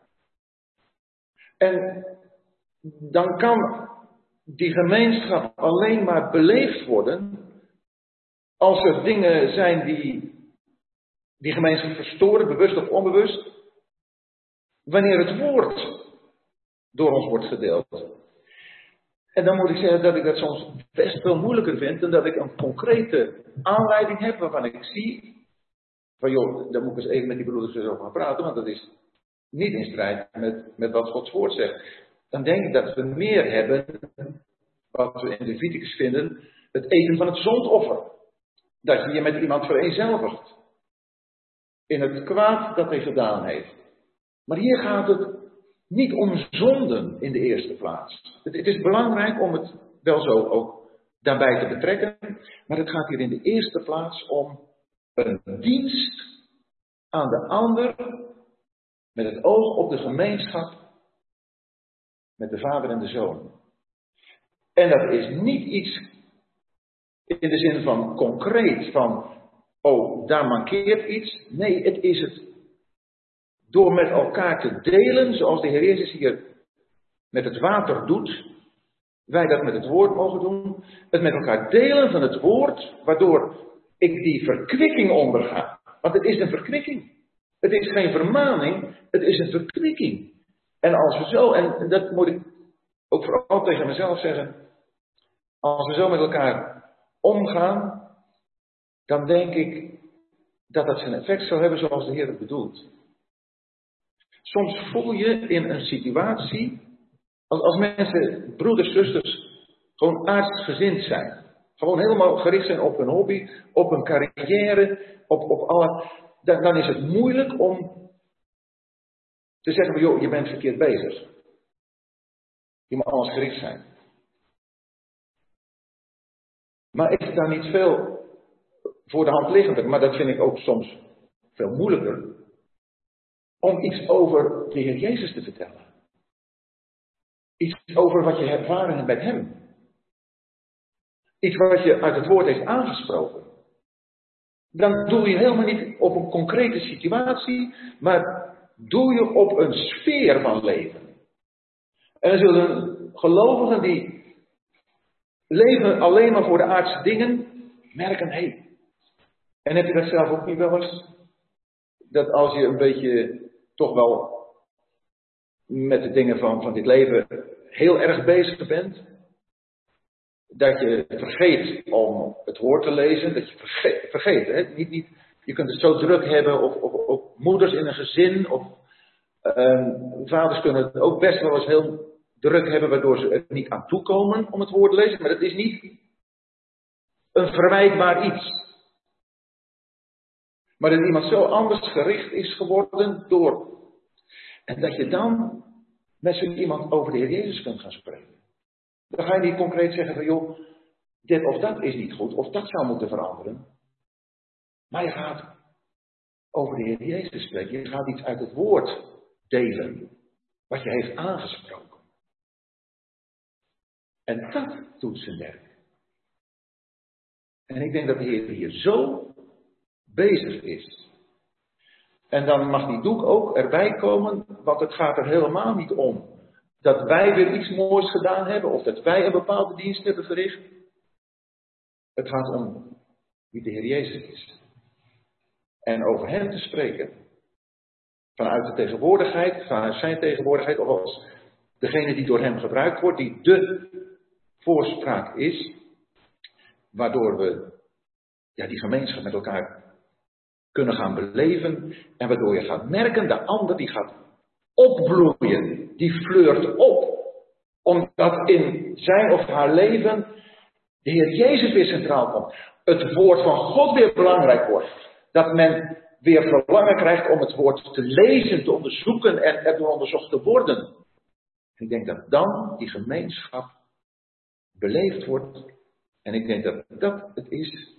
In de eerste plaats met Zeker alle andere toepassingen erbij. Maar in de eerste plaats, wat de Heer Jezus hier in alle eenvoud, maar ook daardoor in alle indringendheid en bewogenheid ons hier als voorbeeld geeft.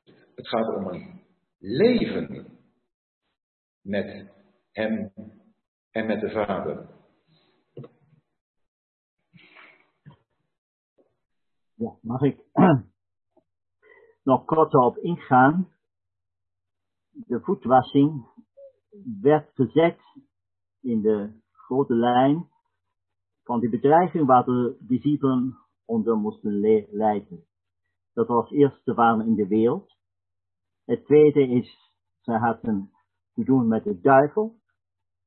En de derde is, en dat zullen we aan het eind van het hoofdstuk zien, de derde vijand die uh, in onszelf nog is het vlees. En ik denk dat de aantrekking van de wereld een heel groot probleem is. Want dat was juist de zonde in die Judas Iscariot veel. Hij was hebzuchtig. Hij wou iets hebben in deze wereld. En dat was die neiging die Satan in hem naar voren bracht of aan uh, opwekte.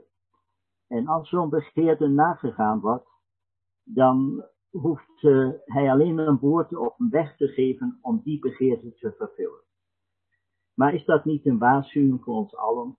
Wij leven in een tijd van ontzettende welvaart. En wij denken heel sterk in de termen van iets te betekenen, welvaart te hebben. En dat de Heer ons vaak in situaties brengt. En daarvan spreekt het wasvat. Dat hij een situatie in ons leven bereidt, elke dag, waar wij voelen, hij wekt onze harten op voor de hemelse roeping. Hij maakt ons duidelijk, we zijn hier niet thuis. Hij maakt ons duidelijk, u bent nog in de wereld, maar niet meer van de wereld. Je kunt daarvan niet leven. Je hebt iets anders nodig. En ik denk dat dat een van de geweldige verdiensten is van onze Heer. Dat zijn liefde ons niet kan laten gaan als wij bezig zijn met aardse dingen, als wij bezig zijn met een carrière op aarde, of wat ook immer. Maar hij wil dat onze harten bezig zijn met zijn vader. En uh, daarvoor dient hij nu in de hemel. En ik denk dat is de persoonlijke dienst die hij doet. Als wij onder elkaar zijn, dan hebben wij wat wij als gelovigen samen beleven dat er iets kan storen, die volle gemeenschap.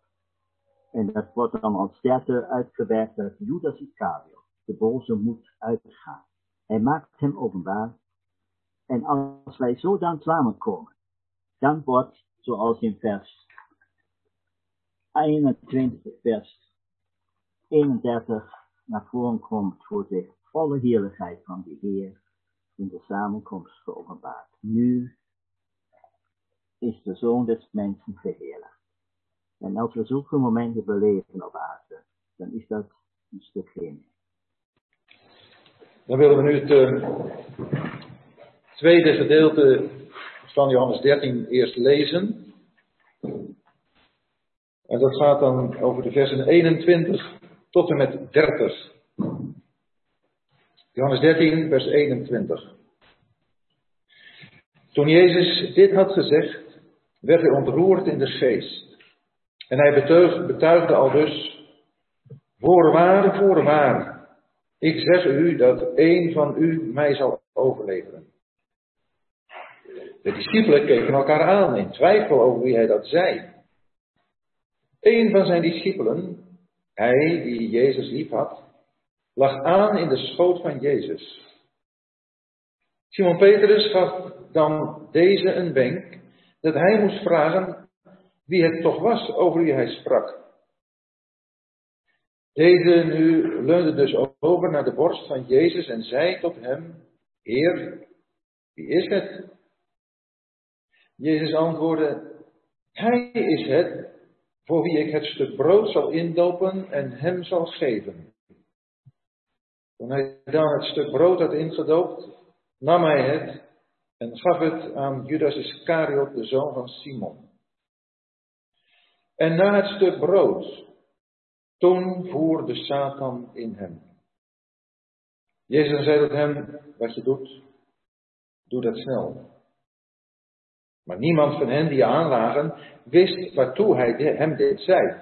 Want sommigen meenden, omdat Judas de beurs had, dat Jezus tot hem zei, koop wat wij nodig hebben voor het feest. Of dat hij iets aan de armen moest geven. Nadat hij dan het stuk brood had genomen, ging hij terstond naar buiten. En het was nacht. Ja, een opmerkelijk intermezzo. Als we zo naar de Heer Jezus hebben gekeken in de versen die eraan vooraf gaan en er al een kleine hint of een verwijzing naar, Johannes, naar Judas Iscariot is geweest. We hebben dat gelezen in vers 2. Toen de duivel Judas Iscariot, de zoon van Simon, al in het hart gegeven had. En dan wordt er in dit gedeelte, dat we juist gelezen hebben,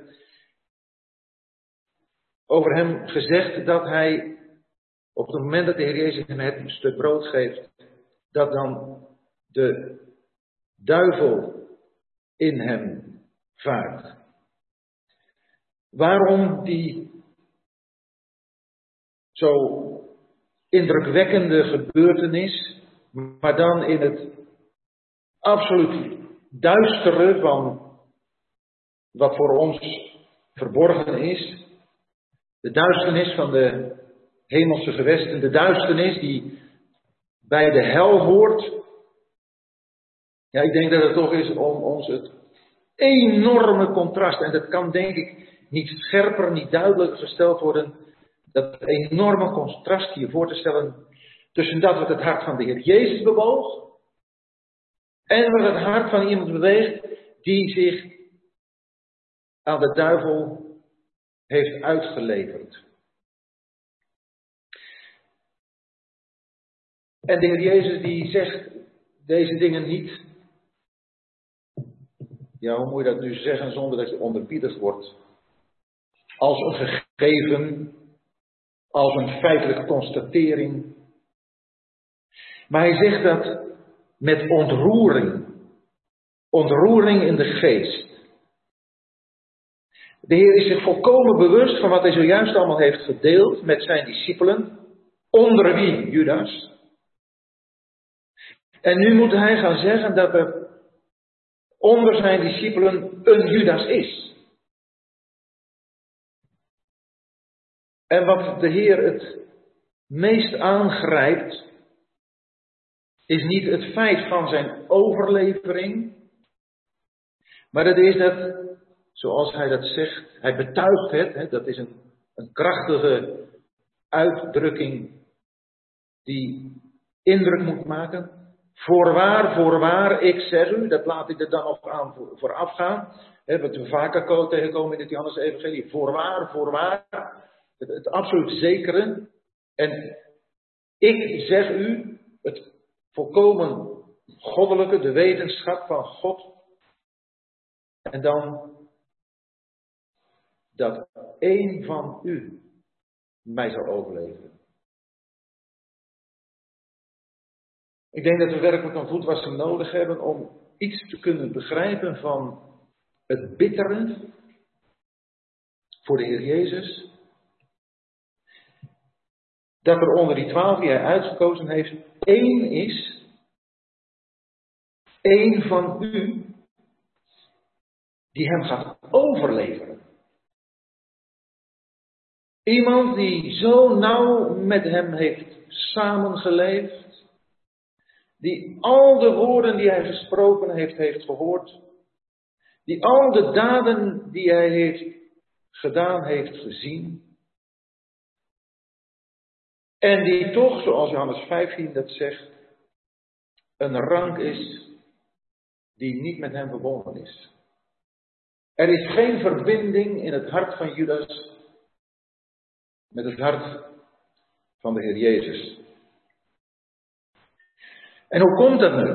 En ik denk dat het een belangrijk aspect is om dat ook te overdenken of daarbij te betrekken, beter gezegd, dat Judas degene is, en dan kijken we even in Johannes 12, die het geld lief had. In verbinding met de zalving in Betanië door, Martha, door Maria, komt daar commentaar op wat Maria doet. En dan lezen we in Johannes 12, vers 4, en dan vinden we daar weer één, die uitdrukking die we ook gelezen hebben, één van zijn discipelen echter, Judas Iscariot, de zoon van Simon, die hem zou overleveren, zei, waarom is deze balsem niet verkocht voor 300 dinaren en naar de armen gegeven? Dit zei hij echter niet omdat hij zich om de armen bekommerde, maar omdat hij een dief was. En als degene die de beurs had, droeg wat erin werd gedaan. Hij was een dief. Hij was een geldzuchtige. En hij gaf voor een luttel bedrag van 30 zilverlingen, weten we, de Heer Jezus over, leverde hij over in de handen van moordenaars. En daar kunnen we bij allerlei dingen bij bedenken wat hij eventueel zou hebben gedacht, maar het gaat hier om het feit dat hij daartoe was aangezet door de duivel, die hij niet heeft weerstaan. En dat op het moment dat de Heer Jezus hem de beter het stuk brood geeft, dat op dat moment de duivel in hem vaart. Dat is die enorme tegenstelling, waarbij we nog een enkel punt kunnen noemen. En dat is dat als de Heer Jezus heeft gezegd, ik zeg u dat één van u mij zal overleveren, niet ineens de andere elf weten, eh, dat is hem. Kijken hem aan, wijzen hem aan, niets daarvan. Stuk voor stuk, weten we uit een andere evangelie, zeggen ze, ik toch niet, Heer. Hier lezen we, de discipelen keken elkaar aan in twijfel over wie hij dat zei. Dit geeft ook weer als achtergrond de grootheid van de Heer Jezus aan, die nooit één opmerking heeft gemaakt over Judas, waardoor de discipelen zouden kunnen denken van, oeh, wij moeten toch een beetje voorzichtig zijn met Judas. Niet één aanwijzing. Dat tekent zijn grootheid. En zelfs hier vinden we niet dat hij zegt, het is Judas. Nee, de Heer die gebruikt daarvoor een bijzonder betoon van eer om hem aan te wijzen.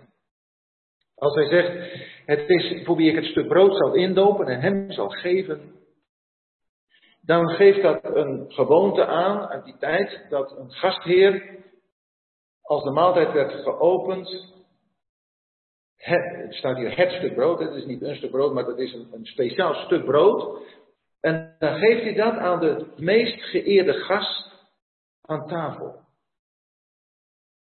En daaruit spreekt zo de grootheid van de Jezus dat hij als het ware een, laatste appel doet op Judas. Judas, jij bent ook voor mij belangrijk. Hij zegt, maar kom tot één keer. En we zullen met elkaar verder ook nog overdenken hoe de Heer Jezus hiermee de schrift vervult. Het belang van het schriftwoord. Maar waar het om gaat is dat we zien de grootheid van de Heer Jezus in deze ogenblikken, zowel in de beroering van zijn geest, als in de manier waarop hij altijd met Judas is omgegaan ten aanzien van de andere discipelen. En ook dat de discipelen, alle discipelen, zich aangesproken weten door die vraag. Het gaat er hier dus in dit verband niet om zo even duidelijk te maken, wat is Judas toch een verschrikkelijk mens? Maar ook dit moeten wij leren betrekken op onszelf. Ik had toch even, die, vraag in de andere evangelie, die is zo tekenend. Ik had toch dat even weer erbij. Ben ik het hier? En voor ons, als we weten dat we echt in Jezus toebehoren, weten we dat, dat we dat niet zullen doen. En toch, daarbij ook besef, als de Heer ons niet bewaart, dan zullen we het niet doen. Want ik ben ertoe in staat. Ik ben tot de verschrikkelijkste zonde in staat. En dat de Heer Jezus zo voor mij bezig is om me dat duidelijk te maken, is ook weer zo'n bijzonder aspect van zijn heerlijkheid. En ik hoop dat we hier ook dan de lessen uit mogen leren verder. Dat we onder de indruk komen van de grootheid van de Heer Jezus in de wijze waarop hij met zijn discipelen omgaat en specifiek met Judas. En wat dat voor effecten heeft, zowel op Judas als op de anderen. Ja, nodig haast uit om door te gaan, maar de Heer die wil eh, graag anderen ook verder hierover, hiervoor gebruiken.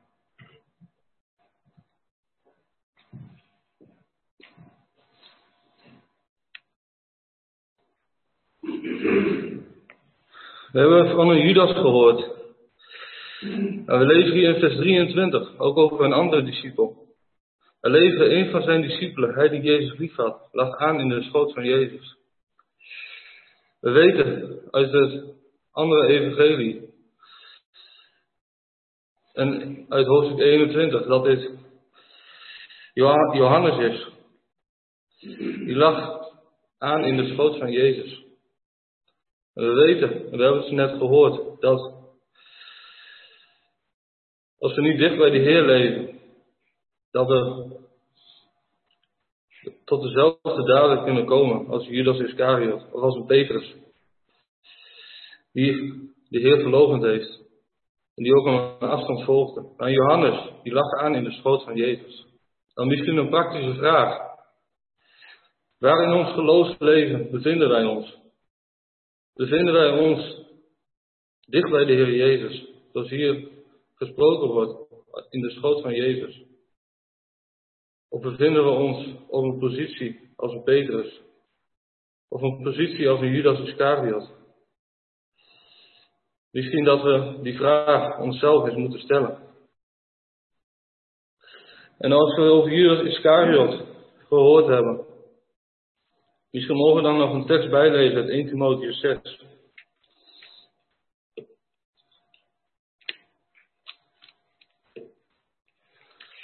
...1 Timotheus 6, daar lezen we. Laten we lezen vanaf vers 6. Nu is de godsvrucht met tevredenheid inderdaad een grote winst. Want we hebben niets in de wereld ingebracht, omdat wij er ook niets uit kunnen wegdragen. Hebben wij echter voedsel en kleding, dan zullen wij daarmee tevreden zijn. Maar wie rijk willen worden, vallen in verzoekingen en in een strik en in vele onverstandigheid en schadelijke begeerten die de mensen doen wegzinken in verderf en ondergang. Want de geldzucht is een wortel van alle kwaad. Door daarna te streven zijn sommigen van het geloof afgedwaald en hebben zich met vele smatten doorboord. Maar jij, mens Gods, ontvlucht deze dingen en jaag naar gerechtigheid, godsvrucht, geloof, liefde, volharding, zachtmoedigheid.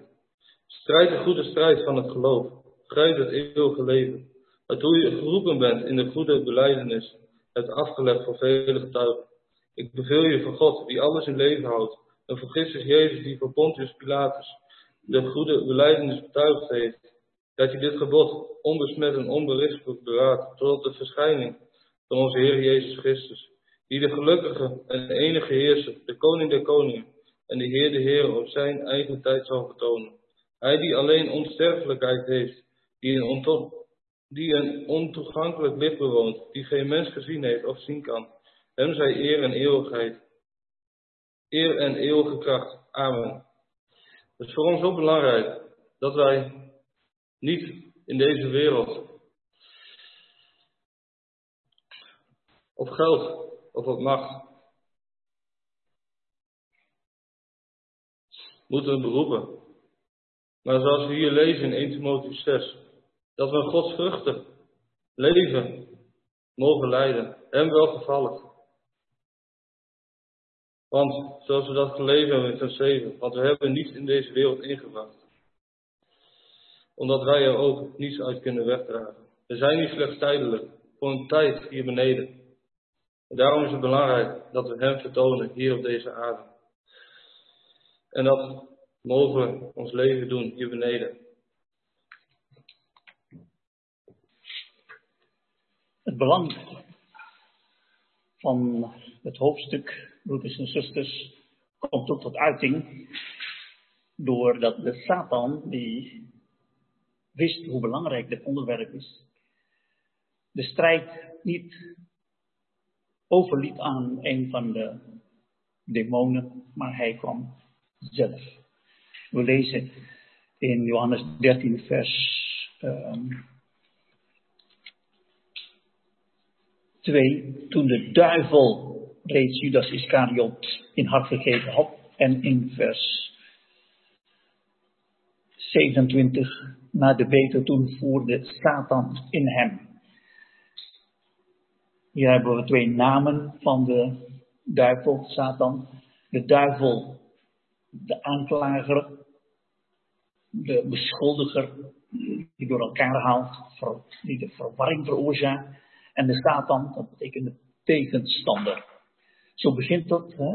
De duivel probeert eerst verwarring te veroorzaken van, heeft God dat wel gezegd? Twijfel zaaien over het woord van God. En zo, zo begrijpt de tegenstander dat dat, uh, dat dat heel belangrijk is om afstand te creëren tussen God en de zijnen. Om die gemeenschap te verhinderen. En wij zien hier wel de plaats van de gemeenschap in Johannes 13. Dat is zelf gezegd gewezen dat Johannes bevond zich in de schoot van de Heer Jezus. En dat, is dat, dat verhaal is, is heel bijzonder. Dan Simon Petrus, hij had een vraag. Hij begreep iets niet. Hij begreep heel veel dingen niet, want de Heer heeft al gezegd tegen hem: Wat ik doe, weet gij nu niet, Maar met die vraag kwam hij naar Johannes en hij zei: Johannes, wil jij dat vragen? En Johannes kon dat rechtstreeks aan de Heer Jezus vragen. Waarom is dat? Ik denk dat de les die wij mogen leren is dat Johannes bevond zich in de schoot van de Heer Jezus. In eh, Johannes 1, vers 18 lezen wij van de Heer Jezus dat hij in de schoot van de Vader is. Let op de tegenwoordige tijd, het is niet die in de schoot van de Vader was. Want het gaat hier om gemeenschap. Dat betekent, de Heer Jezus is mens geworden, maar hij heeft die plaats van gemeenschap met de Vader nooit verlaten. Hij kon later ook getuigen, de Vader is altijd bij mij. En daarom, de schoot spreekt van de plaats van gemeenschap. En dat is het onderwerp van, uh, van Johannes 13. Maar dat maakt ook duidelijk dat de plaats van gemeenschap is ook tegelijkertijd de plaats van inzicht. In de plaats van de gemeenschap kun je de Heer vragen. Heer, maak eens duidelijk. Dat wij iets niet begrijpen, dat we iets niet weten, is helemaal geen, geen probleem. Als wij maar dicht bij de Heer zijn, kunnen we de Heer dat vragen. Maar Petrus had Johannes nodig om tot inzicht te komen. Hij stelde die vraag en dat is voor ons ook een, eh, een, een les. Als nodig is om ons de voeten gewassen te worden, dan is het ook moeilijk voor ons. Dan is er een verhindering om tot de Heer te komen, om inzicht te krijgen. En dan kijken we naar Judas. Judas is nog een stap verder. Judas, zijn voeten werd gewassen. Maar toch kon Judas geen deel hebben met de Heer Jezus. Waarom niet? Omdat hij geen deel heeft aan de Heer Jezus. Maar dat is niet iets wat, uh, wat de discipelen wisten. Want Judas bevond zich te midden van de gelovigen, als ik zo zeggen mag. En hij was, uh, dat, dat is voor anderen niet duidelijk dat hij geen gelovige was. En ik denk dat het voor ons ook de, de les in zit dat de vraag of iemand werkelijk een gelovige is of niet, kun je niet altijd beantwoorden. Dat hoef je ook niet altijd te beantwoorden. Maar je kunt wel tegen zo iemand zeggen, als je zegt dat de Heer meester en Heer is, als iemand de Heer, de naam van de Heer aanroept, dan brengt dat verantwoordelijkheid met zich mee. Dus je, je spreekt iemand aan op zijn of haar verantwoordelijkheid. En de reactie van zo'n gelovige maakt dan duidelijk dat uh, achteraf dat hij wel of niet een gelovige is. Je, uh, dan kom je achter, is dat een schaap dat in een vodder is gevallen? Of is dat een gewassen zeug, zoals Petrus dat zegt, dat teruggekeerd is naar de modder? En dat is denk ik hier in het geval van Judas. Judas was een gewassen zeug.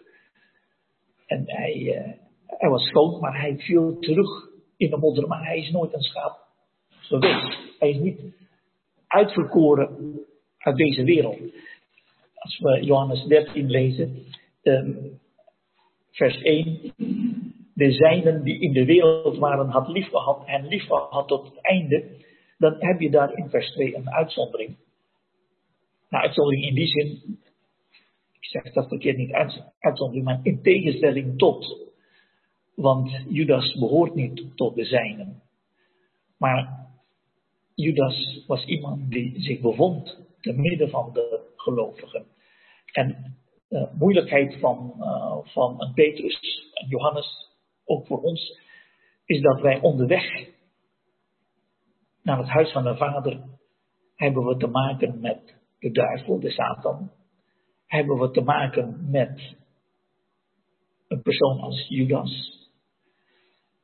Hebben we te maken met verontreinigingen, waardoor, waardoor wij uh, de plaats van gemeenschap, zonder dat we in de gaten hebben, verlaten, waardoor wij geen inzicht hebben in die dingen.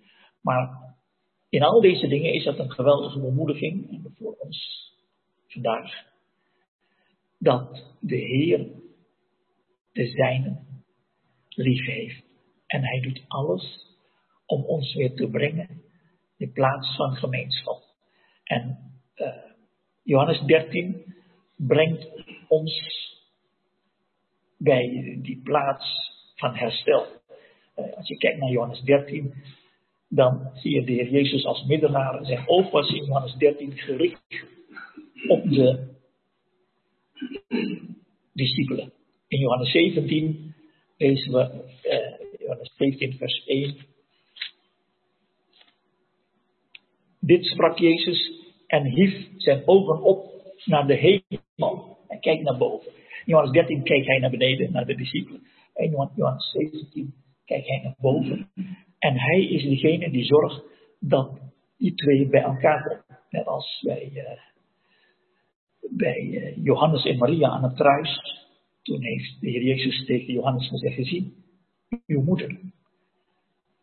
En tegen Maria, zie, uw zoon. En vanaf dat moment kwamen ze bij elkaar, zijn ze altijd bij elkaar. En zo is het wat de Heer hier ook doet. De gelovigen en de Vader, hij wil hen brengen in de plaats van gemeenschap. Waardoor wij niet hoeven te wachten totdat we boven zijn om die gemeenschap met de Vader te genieten. Maar dat de wil van de Heer is dat we die plaats nu reeds met elkaar mogen innemen. Wat dat betreft uh, komen we met zo'n uh, bespreking van Johannes 13 tot de, de rijkste onderwerp van, uh, van, van, van de Bijbel. Want het gaat hier niet om de zegeningen van de Bijbel, maar om degene die de zegen wil geven, om die persoon zelf. Hij is meer dan de gedachten of de zegeningen of wat dan ook.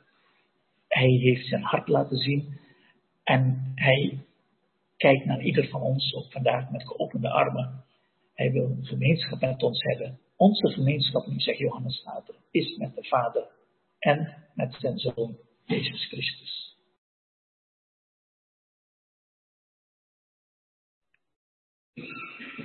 Wat me zo opvalt is het antwoord van de Heer Jezus tegenover eh, Judas. De Heer had natuurlijk, en dat straks ook al gezegd, de Heer had natuurlijk ook heel anders kunnen reageren en Judas kunnen ontmaskeren, al veel eerder. Maar wat doet de Heer? Hij neemt dat stuk brood, hij doopt het in en geeft het dan aan Judas. Als een gebaar van liefde. En dat komt uit het hart van de Heer voort. En dat openbaart het hart van Judas. Want op dat moment vaart de Satan in hem. En vinden we dat niet terug uh, vaker in de Bijbel, dat God zijn hart openbaart op onverwachte momenten. Denken we aan de zondeval in de Hof van Eden. Wat zegt God dan? Ga weg uit de Hof. Ja, ook, dat moest. Maar veel meer dan dat. God zorgt voor een offer zodat Adam en Eva bedekt worden. Kijken we naar de, het gouden kalf wat gebracht is door het volk Israël. Wat is het antwoord van God? Waar hij al mee bezig was? Ik heb een huis en ik wil bij jullie wonen. In jullie midden, notabene. Totaal onwaardig. En toch, dat is het antwoord van God. En wat is het resultaat? Dat duidelijk wordt dat het volk Israël dat helemaal niet waard is. Jullie hebben mij nu al tienmaal, uh, hoe staat het er in nummer uh, verzocht. Ja, dank je. Uh, tienmaal verzocht. En iedere keer weer mag ik het woord treiteren gebruiken om God zo dwars te zitten. Het volk wilde niet. Maar het antwoord van God was, ik wil in jullie midden wonen. In het Nieuwe Testament vinden we het ook vaker bij uh, de zalving door Maria. Wat is het antwoord van Judas? Hij werd jaloers en hij wilde geld hebben. Hij zegt, dat hadden we kunnen verkopen, dat hadden we beter kunnen gebruiken. En hier, uh, bij Judas dus ook, het wordt openbaar wat in zijn hart is. En dat is omdat het hart van de Heer Jezus openbaar wordt. Dus het is het open hart van de Heer, geeft antwoord op wat in het hart van Judas is. En nog een voorbeeld, en dat is bij Stefanus. Hij getuigt van de open hemel. Ik zie Jezus. Staande aan de rechterhand van God. En wat is het antwoord? Heel duidelijk. Weg met hem.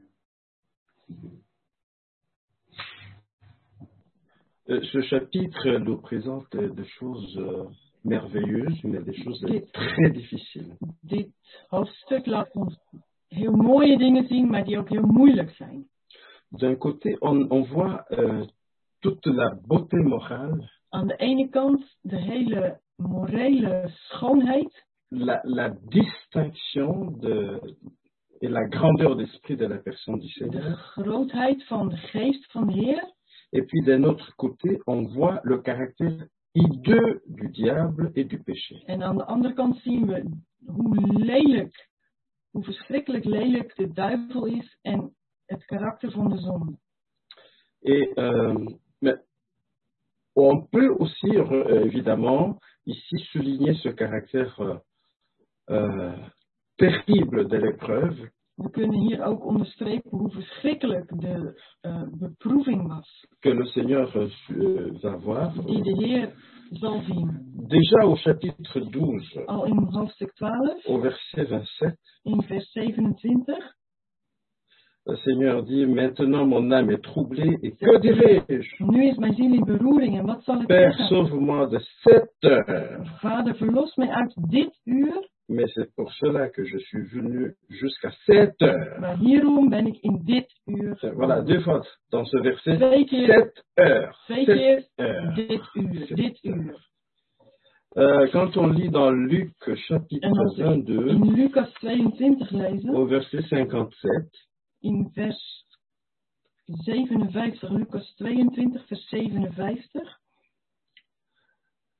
J'étais tous les jours avec vous dans le temple et vous ne m'avez pas mis de la main sur moi. 57, 53. Lucas 22, vers 53.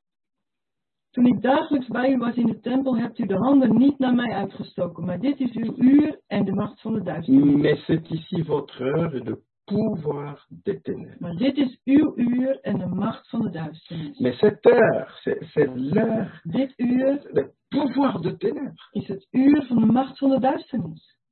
Et euh, on voit clairement à travers Judas quelque chose, mais est terrible.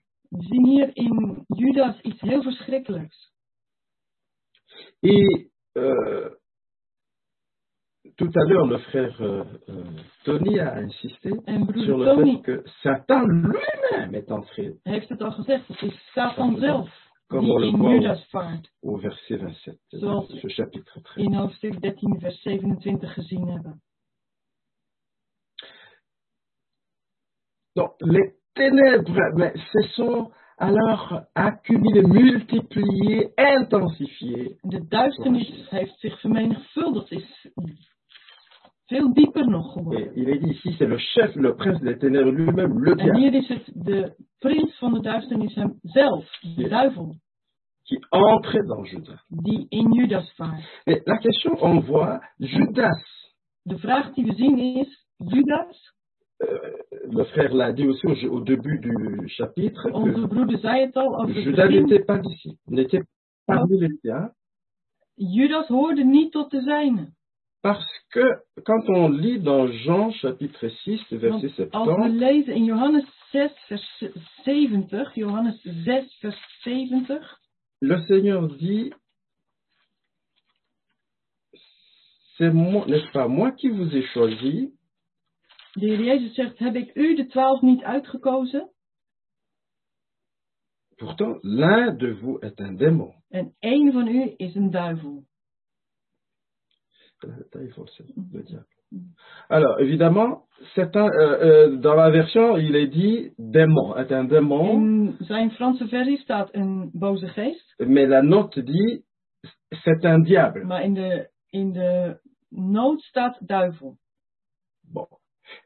Que Judas était un diable, un démon, Dus Judas was een duivel, een boze geest. et euh, eh bien, il est dans, ces, euh, voilà, dans l'entourage du Seigneur. Maar hij hoort bij degene die dicht bij de Heer Jezus zijn. Euh, Nous ne pouvons pas entrer dans ces- ce mystère En we kunnen niet in dat qui nous geheim dépasse ingaan. Dat gaat ons begrip te boven. dans le plan de la rédemption de Dieu. Dat maakt deel uit van het verlossingsplan van God. Mais on voit que on, on peut, on peut se dire, mais si Judas était un diable, Maar we kunnen zeggen, als Judas een duivel was, maintenant le, le diable entre dans, dans ce diable, en nu vaak de duivel in deze duivel, vous pouvez imaginer l'intensité de ténèbres dans ce Kun je temps je iets indenken bij de intensiteit van de duisternis in pour faire le mal. Un peu comme on voit dans... het verkeerde te doen. bah, je m'excuse de, de parler longtemps de ces choses, ik wat négatif langer là, praat over negatieve mais c'est pour déboucher sur quelques... Maar het is un om point uit te important. komen om een, op een belangrijk punt. Dans Romains au chapitre 7, In Romeinen 7 euh, la- l'apôtre Paul en parlant de, du péché, spreekt de apostel la Paulus au verset 13, de zonde en de wet. En in vers 13, Johannes 7 vers 13, au milieu il dit, mais le péché afin de manifester, se manifester en tant que péché. maar eh, in Jo- Romeinen 7 vers 13 in het midden, maar de zonde heeft opdat zij als zonde zichtbaar zou worden. Et puis à la fin, il dit, afin que le péché apparaisse démesurément péché. En dan aan het eind opdat door het gebod de zonde uitermate zondig zou blijken te zijn. Le, le péché devait montrer son, euh, son caractère excessivement péché, pécheur, mauvais, absolument De mauvais. zonde moest zijn karakter van uitermate zondig, zondig slecht laten Et zien. le diable, ici, on montre son caractère absolument diabolique. En hier laat de duivel het absoluut duivelse karakter zien dat hij heeft. Pour pouvoir, voilà, livrer celui qui est le plus innocent, le Om juste des justes, le hem plus bon des bons. Om hem over te leveren die volstrekt onschuldig is, de rechtvaardige van de rechtvaardigen, de beste onder de goeden. Et alors, ce qui est admirable, Wat bewonderenswaardig is, c'est qu'on voit que le Seigneur, dat we de Heer zien qui connaît tout ceci, die al deze dingen kent ne cherche pas à changer ça. en hij probeert niet om dit te veranderen. Il connaît les circonstances. Hij kent de Il y omstandigheden entre en hij volontairement gaat er vrijwillig in. et ceci nous dépasse. En dat gaat ons bevattingsbegrip Et, il dit à, euh, il va même jusqu'à dire à Judas, En het gaat zelfs zover dat hij tegen Judas zegt, il lui dit euh, au verset, verset qu'on est en train de in considérer, vers, 5, in vers ce 27, que tu fais, fais-le vite, wat u wilt doen, doe het snel. vite. Snel. Et dans Luc, plus loin, il dit le baptême, la coupe que mon père, euh, non, il est un baptême dont j'ai hâte. En in Lucas zegt hij ook, ik heb haast om deze doop te ondergaan. Et il dit fais vite. En hier zegt hij tegen Judas, doe het snel. Il a hâte d'entrer Hij heeft haast om in te gaan in dit lijden. Il savait que c'était le chemin Hij wist dat dit de weg was, Il de voulait accomplir la volonté de Dieu. van de verlossing. En hij wilde de wil, wil van God volbrengen. Alors, cet, cet exemple du Seigneur En dit voorbeeld van de Heer, qui subit des choses difficiles, die de, zulke moeilijke dingen ondergaat, mais qui est disponible Maar à die accomplir la volonté beschikbaar is om de wil van God te sans volbrengen, rien changer de ces zonder daar iets aan te veranderen of de omstandigheden te willen ombuigen. Ceci est un sujet d'adoration. Dat is een onderwerp van aanbidding.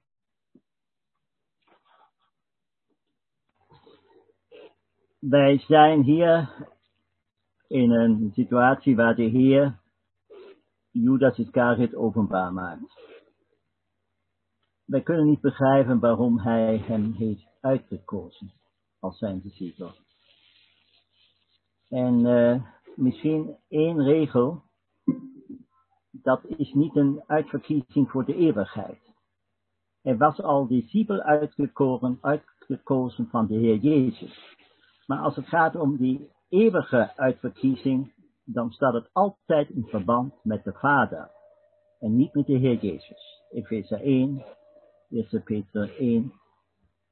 Maar hier hebben wij dat Judas Iscariot de verrader wordt. En wij lezen, ik denk eh, in vers 21, dat de Heer in zijn geest ontvoerd was. Een situatie die hem heel diep trof. Dat het Satan gelukt was in de binnenste kring van zijn- zijn discipelen één man te misbruiken om de Heer Jezus te verraten. Hij was ontroerd in zijn geest. In Johannes 12 vinden wij datzelfde woord in verband met zijn ziel. Daar staat in vers 27, nu is mijn ziel ontroerd. En daar gaat het dat hij aan het kruis sterven zou en tot zonde gemaakt zou worden. Ontroerd in zijn ziel. Het diepste binnenste van hem getroffen. Hier in zijn geest. Maar dat heeft hij gedaan, zoals we dat in vers, hoofdstuk 14 lezen, dat onze harten nooit ontroerd zouden worden. Is hetzelfde woord. Daarvoor wat hij ontroerd. En we kunnen begrijpen hoeveel pijnlijk het was, en David spreekt daarvan in de psalmen, dat hij verraten werd en dat hier iemand in de binnenste kring ingeslopen is, Judas Iscariot. Hij heeft hem nooit Heer genoemd, alleen. Hij heeft hem nooit echt gevolgd. En uh, toch probeert de Heer hem in zijn liefde te winnen. Hij heeft hem geproefd. Hij heeft hem de kassa gegeven. Om hem te openbaar te maken dat hij een heiland nodig had. Maar hier aan het eind zie je dan dat hij naar buiten moet gaan. En dat zien wij de gevaren als die de gemeente heeft. In Lucas 22 heb je drie gevaren voor de, die in de bovenzaal willen indringen. En dat is, het eerste is het vlees, dat is de ongeloof in Petrus. Het vlees die het eerste wil zijn. En het laatste is de geest van de antichrist. En daarvan spreekt Judas Iscariot. Judas wordt in Johannes 17 genoemd de zoon van het verderf. En dat is vandaag, tot vandaag, de geest van de antichrist die binnen wil slopen. En als we dicht bij hem zijn, zoals Johannes aan zijn borst, dan maakt hij het openbaar. En dan moet het uit, moet hij uitgaan. Hij heeft geen plaats daar. En ik denk dat de Heer ons waakzame harten moet geven. Dat wij dicht bij hem zijn. En uh, nog één ding, ik weet niet of het genoemd is. Als je hier die maaltijd ziet, zie je een stuk van de hemel op de ene kant. Er zijn de Heer in het middelpunt. Daar is Johannes dicht bij de Heer aan zijn borst. Petrus die iets lager verder is. Maar er is geen jaloersheid onder elkaar. Iedereen is aan die plaats tevreden waar hij behoort. Petrus, die nog altijd de eerste was, die gaat tegen Johannes zeggen, vraag hem, u bent dicht, jij bent dichter bij hem. En als wij zo samenkomen, in het bewustzijn dat we elkaar nodig hebben, dat sommige broeders en zusters dichter bij de Heer zijn dan ik, en dat we die zegen nodig hebben in ons midden, dan kan Hij dat boze uitdrijven. Dat vindt dan geen, geen ruimte en dan komt die zegen die wij misschien in de laatste uur dan nog vragen. Dan wordt die heerlijkheid van de Heer. Nu is de Zoon des Mensen verheerlijkt. Dan zullen we iets zien van de heerlijke persoon. De Zoon des Mensen.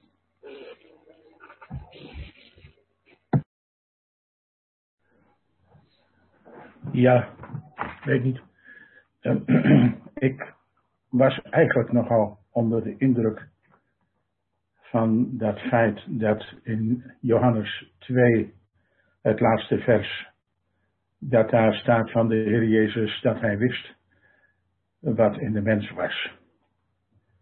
In Johannes 6, het is al aangehaald, uh, gedeeltelijk, in vers 70, een van u is een duivel, maar in vers 64, daar vinden we maar er zijn sommigen onder u die niet geloven.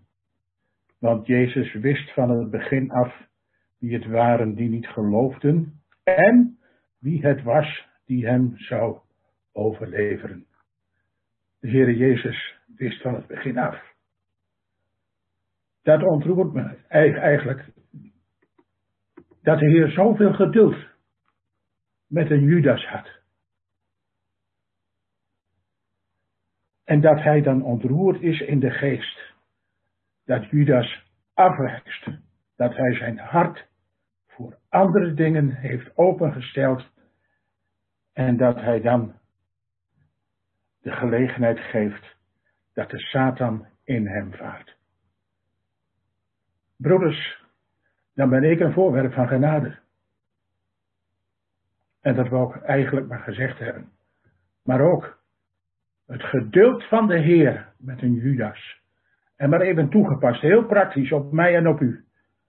Wat een geduld heeft de Heer gehad en heeft hij nog met een elk van ons.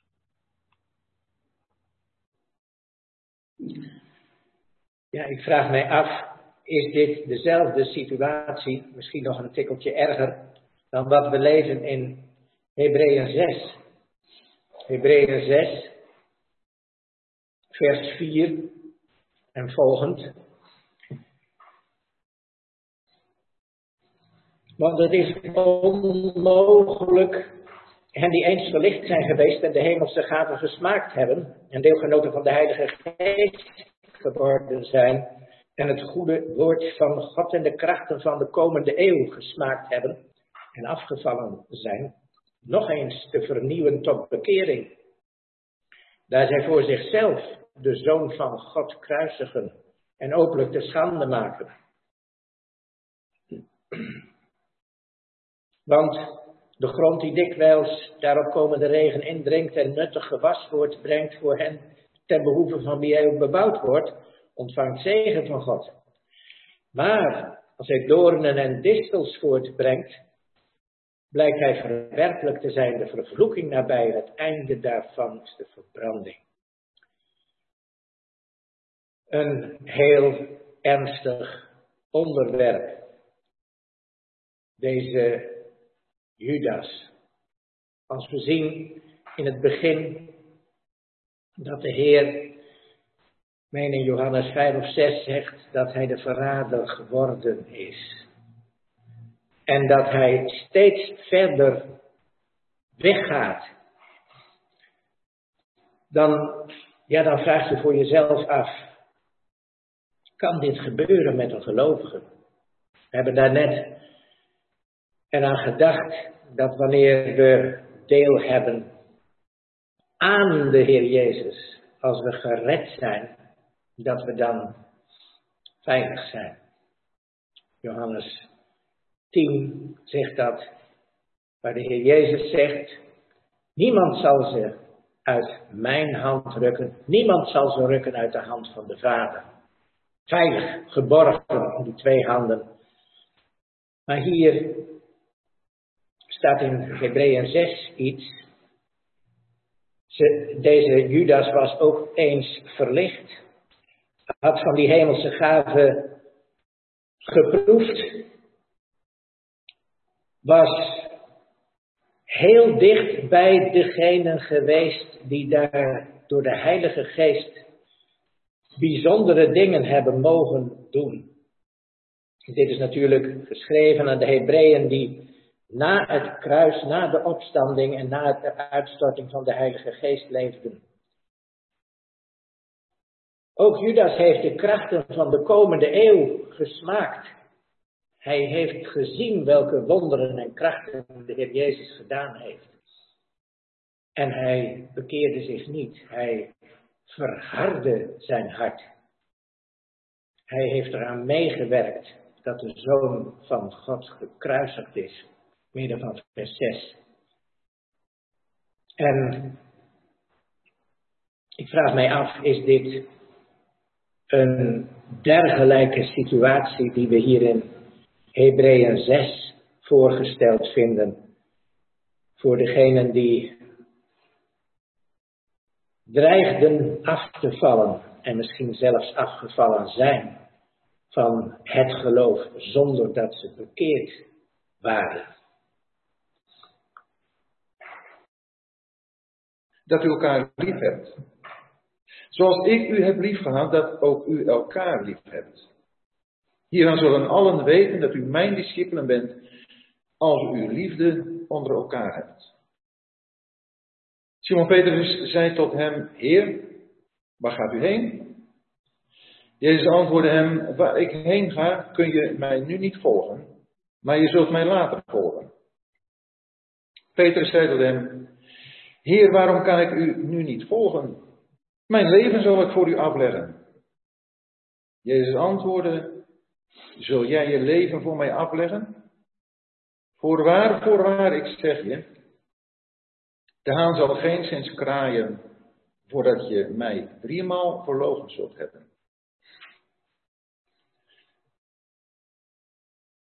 Wat Hebreeën 6 betreft, dat we met elkaar gelezen hebben, daar gaat het over mensen, Joden, die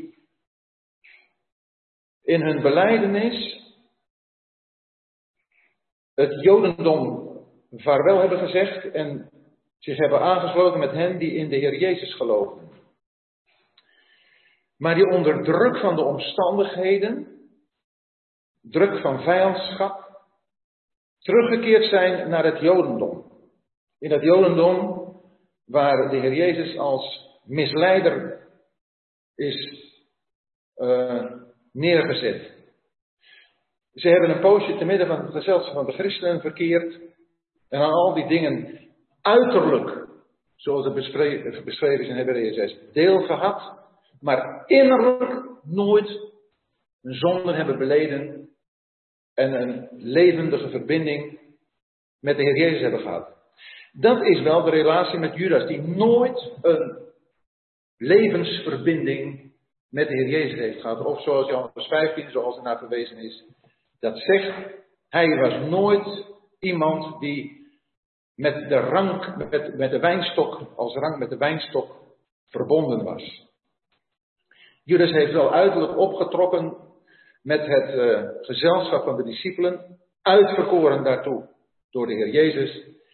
En ook, en dan ga ik nog heel even naar vers 18 van Johannes 13.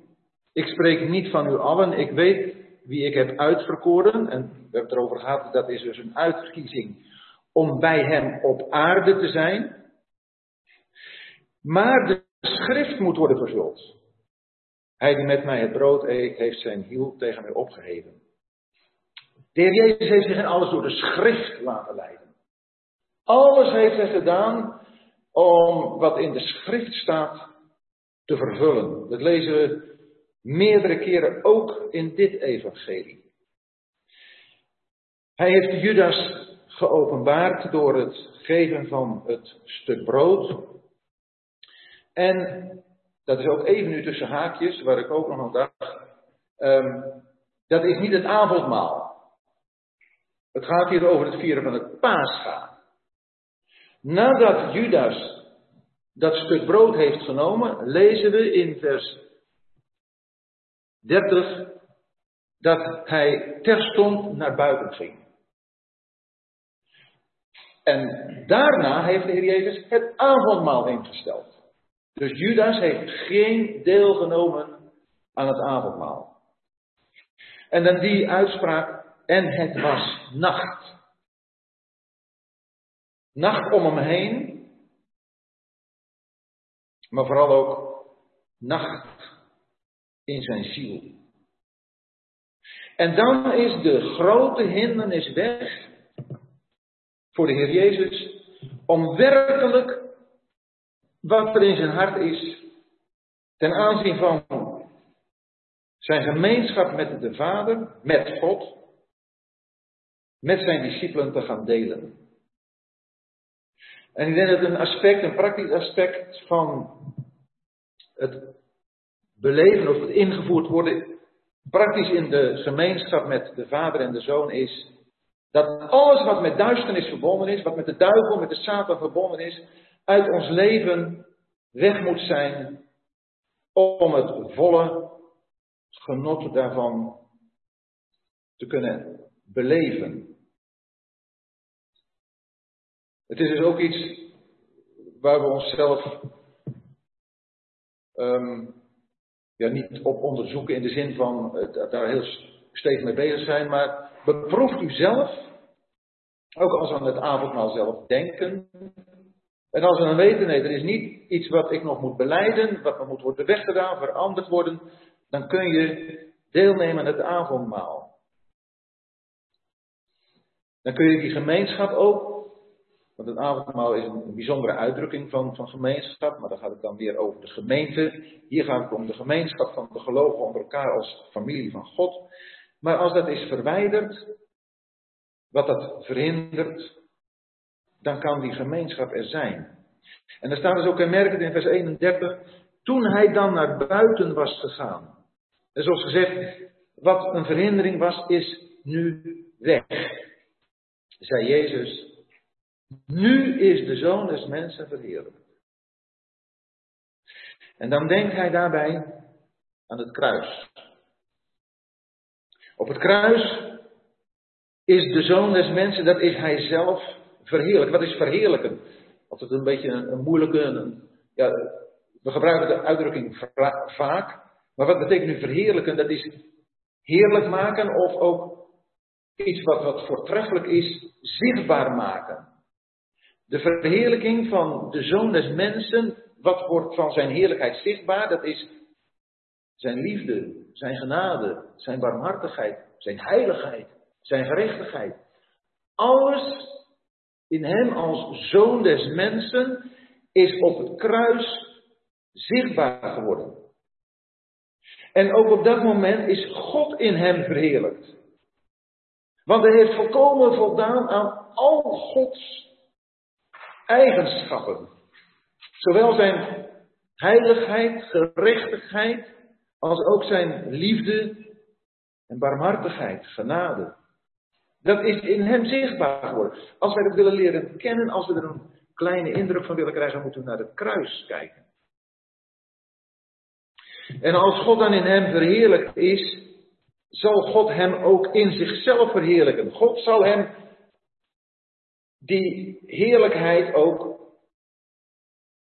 ja, hun eigen laten zijn. Dat ook die heerlijkheid erkend zal worden. En dat zal God doen door hem terstond te verheerlijken. Ja, elk aspect van deze twee versen is de moeite waard om over na te denken. Maar heel kort, moet een inleiding zijn zien we toch wel zo ontzettend veel glorie in deze versen samengebald. En dat schittert des te meer tegen de achtergrond van wat Judas gaat doen en de nacht waarin hij zich bevindt en de nacht die ook in hem is. Hier is alles licht, hier is alles heerlijkheid, hier is alles liefde, hier is alles de Vader, de verheerlijking van de Vader.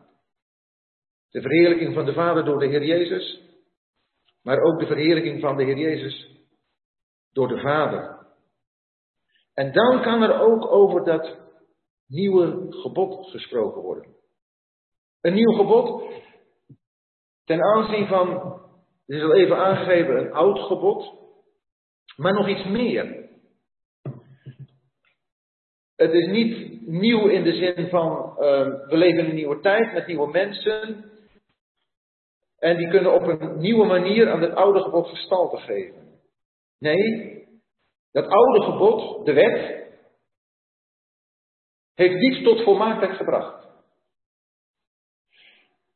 De wet zegt u zult God liefhebben boven alles en de naaste als uzelf. Dat is een gebod wat de mens opgelegd wordt.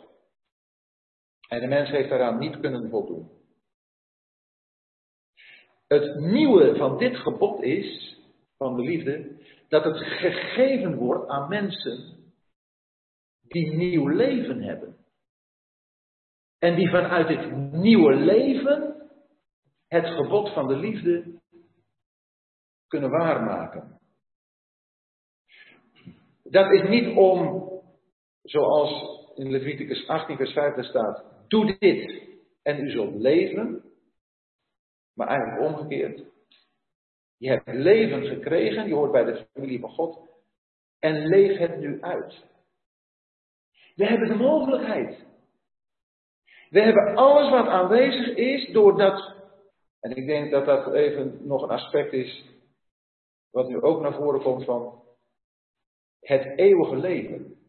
De zegen is het eeuwige leven. En wat is het eeuwige leven? Dat is de Heer Jezus. Te kennen en de Vader te kennen. Geloof in de Heer Jezus en je hebt eeuwig leven. En dit is het eeuwige leven, dat ze u kennen, Vader. En Jezus Christus die u gezonden hebt. En het eeuwige leven is nu in ons, dat is Hij zelf. En Hij heeft zich ook door dat gebod laten leiden. En dat gebod was, Johannes 10, vers 16, 17.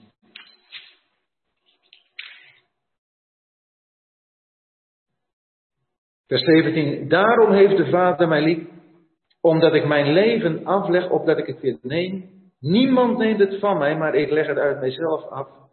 Ik heb macht het af te leggen en dat macht het weer te nemen.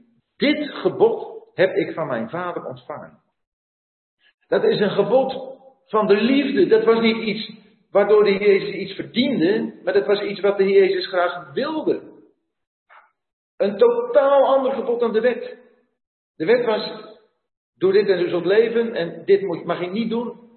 En dat moet je doen. Het gebod van de liefde is, leef het uit. Dan lezen we in de brief van Johannes, en zijn geboden zijn niet zwaar. Voor het leven van de gelovige, het kind van God, voor degene die familie van God zijn, is het niet zwaar om lief te hebben. Want de Heer Jezus is ons leven en dan kunnen we het. Daar gaat het om bij Johannes.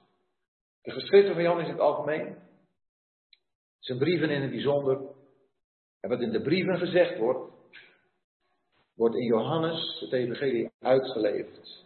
Door hem die het centrum van de liefde van de Vader is. En die nu ons leven is. En als dat door ons begrepen wordt. Want het is niet moeilijk uh, het is in wezen niet, niet moeilijk te vatten, want het, het is doen. En dan staat er, en hieraan zullen allen weten dat u mijn discipelen bent, als u liefde onder elkaar hebt. En dat is de opdracht. En dan komen we met de praktijk in, in aanraking, maar ook vaak in aanvaring, omdat er nog zoveel eigen belang is. En daarom terug naar de voetwassing. Terug naar de nederigheid die nodig is om te dienen en lief te hebben. Ik wil graag een lijn in deze laatste gedeelte optekenen. Het eerste is, we hebben al gezien, de Heer kan nu dat Judas Iscariot buiten is, zonder rem spreken. Die duistere macht die aanwezig was, heeft hem geremd daarover te spreken. Hij spreekt nu, het eerste punt, de zoon des mensen is nu verheerlijkt. En daar bedoelt hij in de eerste zin zijn kruis mee. Waar zien wij de heerlijkheid van de Heer Jezus in zijn hoogtepunt, die daar aan het kruis. Als wij denken dat hij tot zonde gemaakt werd, dat dit weer grote bewijs zijn, volkomen gehoorzaamheid dat wat zijn wezen weerstreefde, hij was heilig, rein. Maar uit gehoorzaam liet hij zich tot zonde maken. En daar zien we ook zijn liefde tot zijn God. Hij zegt, Eli, mijn God, mijn God. Hij heeft volmaakt de heerlijkheid van de Zoon des Mensen daar geopenbaard. In die volgende vers dat duidelijk dat hij daar op God verheerlijkt heeft heeft al de karaktertrekken van God aan het licht gebracht. En dat is daar aan het hoogtepunt. Als je wilt spreken over de liefde van God, dan zien we daar aan het kruis dat hij zijn eigen zoon heeft geofferd. Van zijn heiligheid, dat hij hem heeft verlaten. Van zijn gerechtigheid. Alles wordt zichtbaar daar aan het kruis. De volgende versen maken duidelijk die antwoord van God. En twee dingen. God heeft hem in zichzelf verheerlijkt en terstond. Die twee dingen zijn er. De Heer hoefde niet te wachten op zijn heerlijkheid in duizend jaar grijs. Dat zou hij nu nog niet hebben. Maar God heeft hem terstond verheerlijkt. Het heerlijke werk van de Heer eiste dat van God hem terstond te verheerlijken. Hij heeft hem opgewekt en heeft hem een plaats aan zijn rechterhand gezet. Hij heeft nog niet die openbare heerlijkheid die hij spoedig zal hebben als hij met ons in heerlijkheid zal komen. Daarom staat hij ook, hij is verheerlijkt in God. Maar wij als gelovigen mogen deze heerlijkheid nu al zien. Wij zien Jezus, zegt heerlijkheid en eer gegrond. En Colossensen 3 zegt precies hetzelfde. Colossensen 3, vers 1. Als u nu met Christus opgewekt bent, zoek dan de dingen die boven zijn, waar Christus is, gezeten aan Gods rechterhand. Bedenk de dingen die boven zijn, niet die op de aarde zijn. Want u bent gestorven en uw leven is met Christus verborgen in God. Daar is nu ons leven, verborgen in God. En dat is een geweldige feit, dat hij nu in God is. En daardoor zijn wij ook zo dicht bij God gebracht. Onvoorstelbare genade. Maar dan zegt hij, en dat is interessant, dat de wereld hem niet meer zal zien. U zult mij niet meer zien. De wereld ziet hem nu niet. Hij is in de hemel. Maar toch laat hij zich niet onbetuigd hier op aarde. En dat is, hier is nu een gezelschap van mensen die ditzelfde leven hebben. En als ze elkaar lief hebben, dan geven ze iets toe van de heerlijkheid, of laten ze iets tonen van de heerlijkheid van God. En dat zien wij in Johannes, eerste Johannesbrief voorgesteld. Daar wordt de vraag van uh, Johannes 1, vers 18, de tweede keer gesteld. Eerste Johannes 4, vers 12. Daar zegt Johannes, niemand heeft uit God aanschouwd. Als wij elkaar lief hebben, blijft God in ons en zijn liefde is in ons volmaakt. Als hier op aarde een, gezelschap is, een hemelse gezelschap, waar hij het middelpunt is, en die in liefde elkaar omgaan, dan wordt daarin God gezien. Daarvoor zijn we hier. Dat zijn we teruggelaten. Maar net als wij in Colossensen lazen, het vlees kan het niet. En dat moet Petrus leren als hij zegt, ik wil je volgen. Maar wij kunnen hem eerst volgen nadat hij door de Jordaan gegaan is.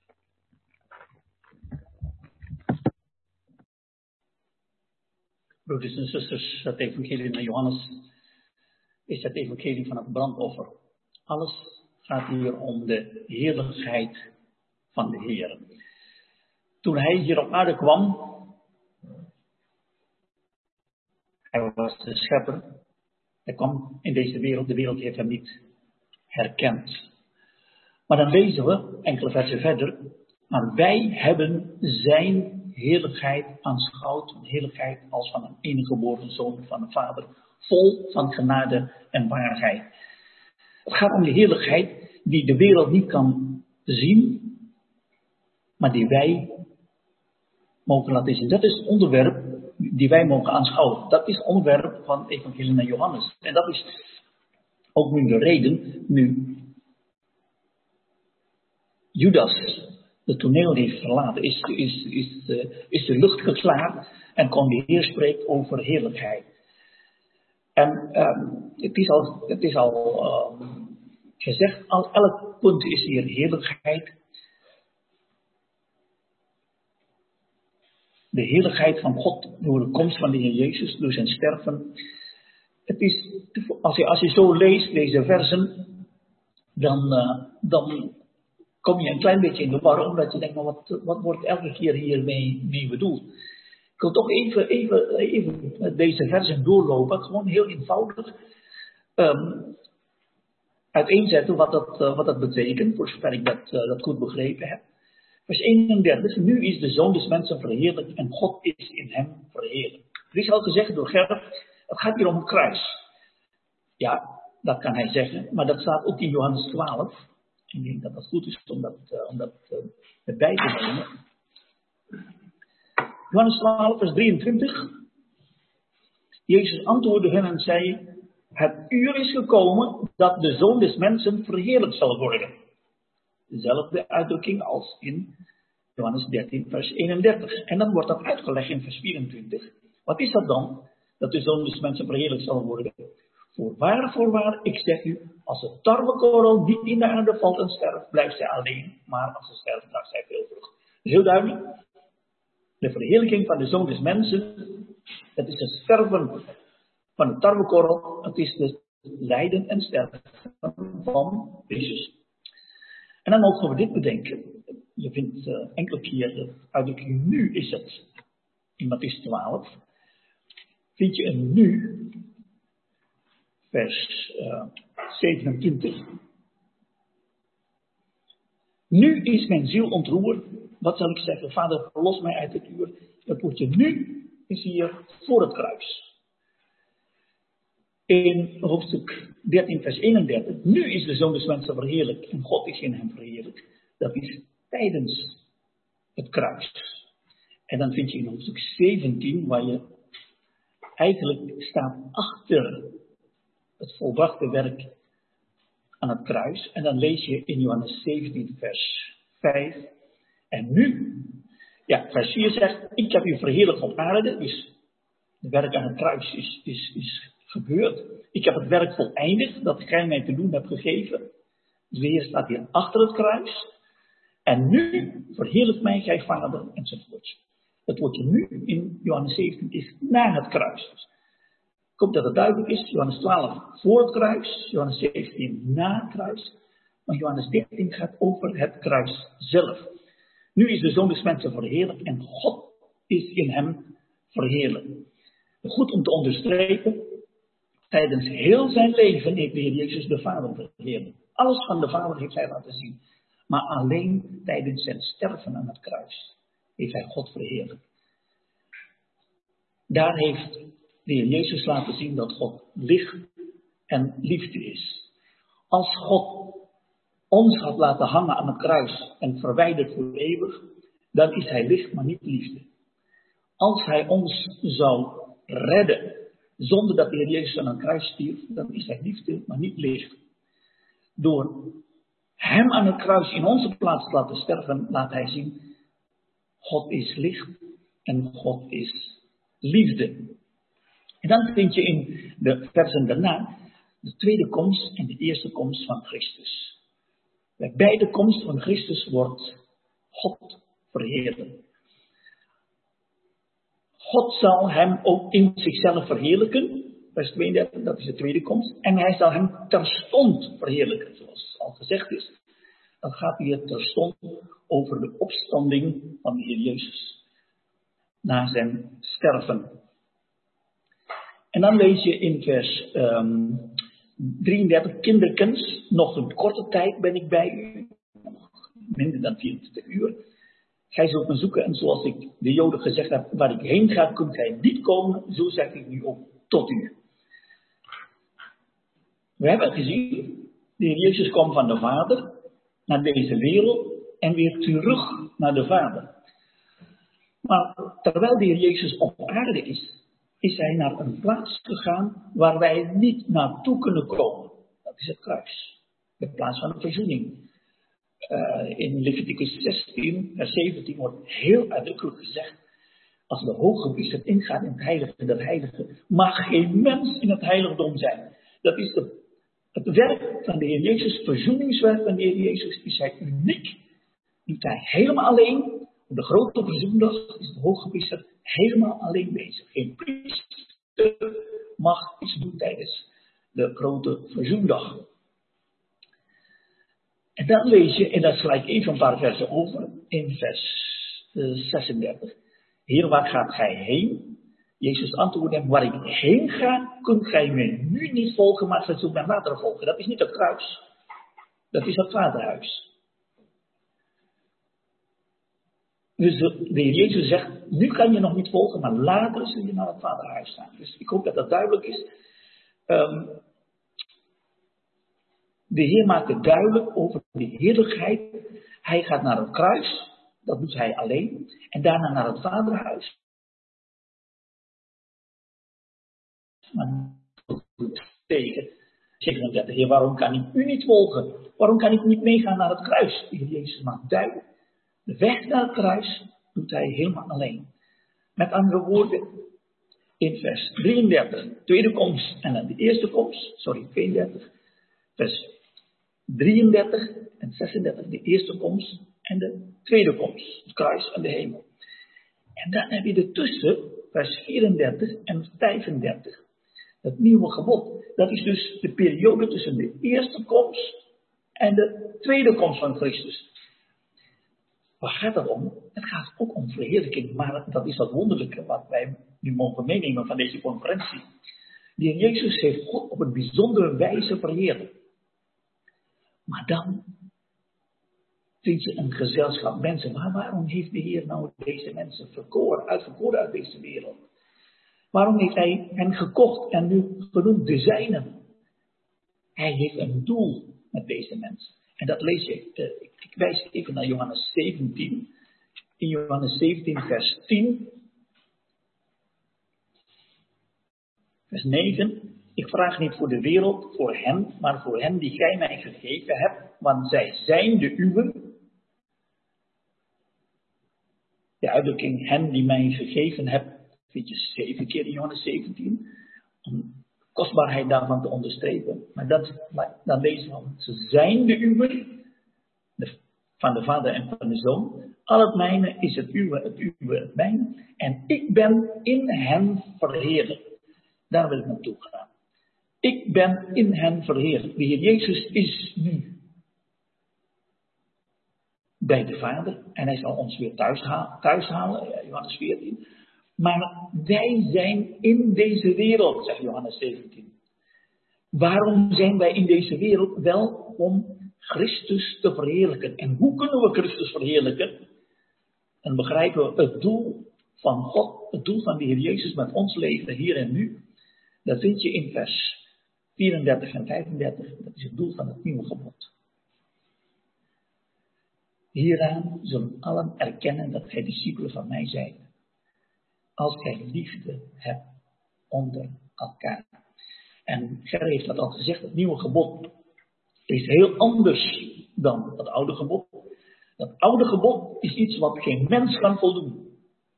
Het nieuwe gebod, zegt 1 Johannes 2, vers 6, is het gebod dat waar is in Christus, ja natuurlijk, maar ook waar is in u. Dat betekent, het nieuwe gebod is werkelijkheid in ons. En dan zeg je nou, in de praktijk is het niet altijd zo. Ja, maar waar het om gaat is, dat leven van de Heer Jezus, dat eeuwig leven, is in mijn leven. En dat nieuwe leven is gekenmerkt door deze liefde. Daarom is het waar in mij. Dat in de praktijk dat uh, tot uiting moet komen, dat is een ander verhaal. Maar dat is wel waar in ons. En daarom is het gebod niet zwaar. Net zoals mijn kinderen, uh, als de uiterlijke kenmerken praat ik dan over, dat is voor hen niet zwaar om mijn uiterlijke kenmerken te tonen. Dat zit genetisch in hem. En dat is ook met ons als gelovigen. We hebben het eeuwig leven. Christus is ons leven. En dan gaat dat vanzelf. Daarom is het gebod ook niet zwaar. Maar voor ons is het belangrijk dat de norm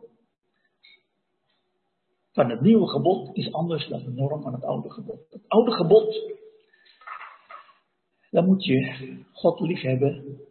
met je heel verstand, heel kracht. Alles van wat in je is. En je naaste lief hebben als jezelf. De norm is horizontaal. Je naaste lief hebben als jezelf. De norm van het nieuwe gebod, het nieuwe leven wat God ons gegeven heeft, is het, zijn liefde. Zoals ik u lief gehad heb, dat ook gij elkaar lief hebben. En dat brengt ons bij de voetwassing. Onze verhouding met elkaar wordt gekenmerkt door de liefde waarmee Hij ons lief gehad heeft. En een geweldige bemoediging. Dat is iets wat waar is, door het werk van de Heer Jezus aan het kruis van Golgotha. Het is allemaal mogelijk. Door zijn sterven is het bloed gekomen voor onze verzoening en het water tot onze reiniging, waardoor voor ons mogelijk is om hier op aarde de gemeenschap met God de Vader en God de Zoon te ervaren. Geweldige voorrecht. Broeders en zusters mogen de conferentie sluiten met de overtuiging. Hoe rijk, Heer, zijn wij in u. Grootste rijkdom dan dit bestaat niet. Ik ben uw en gij zijt mijn. Liefde is ontstaan, verbonden. Le chapitre 13, Hoofdstuk 13. on le voit, se termine par le verset 38. We zien dat dat eindigt met vers 38. Euh, une déclaration sincère Een, de Pierre, een serieuze verklaring van Petrus, mais qui n'était pas réaliste. maar die niet realistisch was. Alors, on a, on a ce problème avec Pierre, En we hebben dat probleem met Petrus. et nous nous reconnaissons tous, moi je me reconnais dans Pierre. En daar herkennen we ons allemaal in. Ik herken me in Petrus. Sincère, souvent, Vaak serieus, ernstig bedoeld, mais pas, pas réaliste. maar niet realistisch. Euh, il dit beaucoup de choses au Hij Seigneur, zegt heel veel dingen tegen de Heer. mais parfois ses pensées ne sont pas toujours euh, celles du Seigneur. Maar zijn gedachten zijn vaak niet de gedachten van de Heer.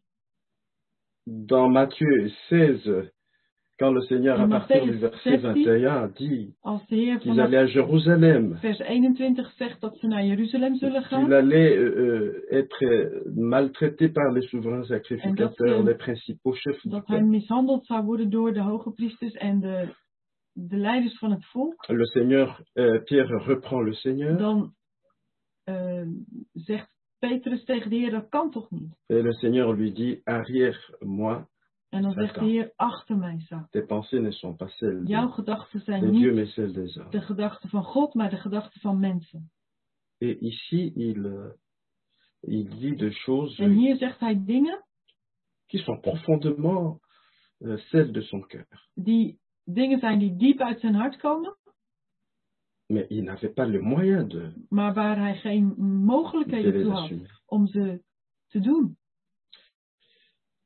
Et si ce chapitre s'est terminé, euh, si l'histoire s'est terminée là, En als de geschiedenis daarop zou houden, où le Seigneur lui dit ce qui va lui arriver, la- le waar de reniement, Heer hem zegt dat, hij hem, dat Petrus hem verraden zal, ce serait, euh, ce serait décourageant. dan zou dat een ontmoediging zijn. Et même pour nous, Zelfs voor ons allemaal. heureusement qu'il y a le chapitre 4, Maar gelukkig 14, hebben we hoofdstuk 14, où le Seigneur donne des assurances. waar de Heer verzekeringen geeft.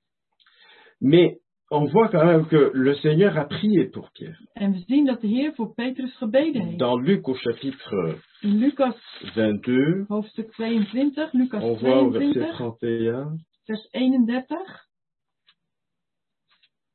Lucas 22, vers 31. Simon, Simon, Satan vous a réclamé pour vous cribler comme du blé, Simon, Simon, zie de Satan heeft u opgeëist om te ziften als de tarwe.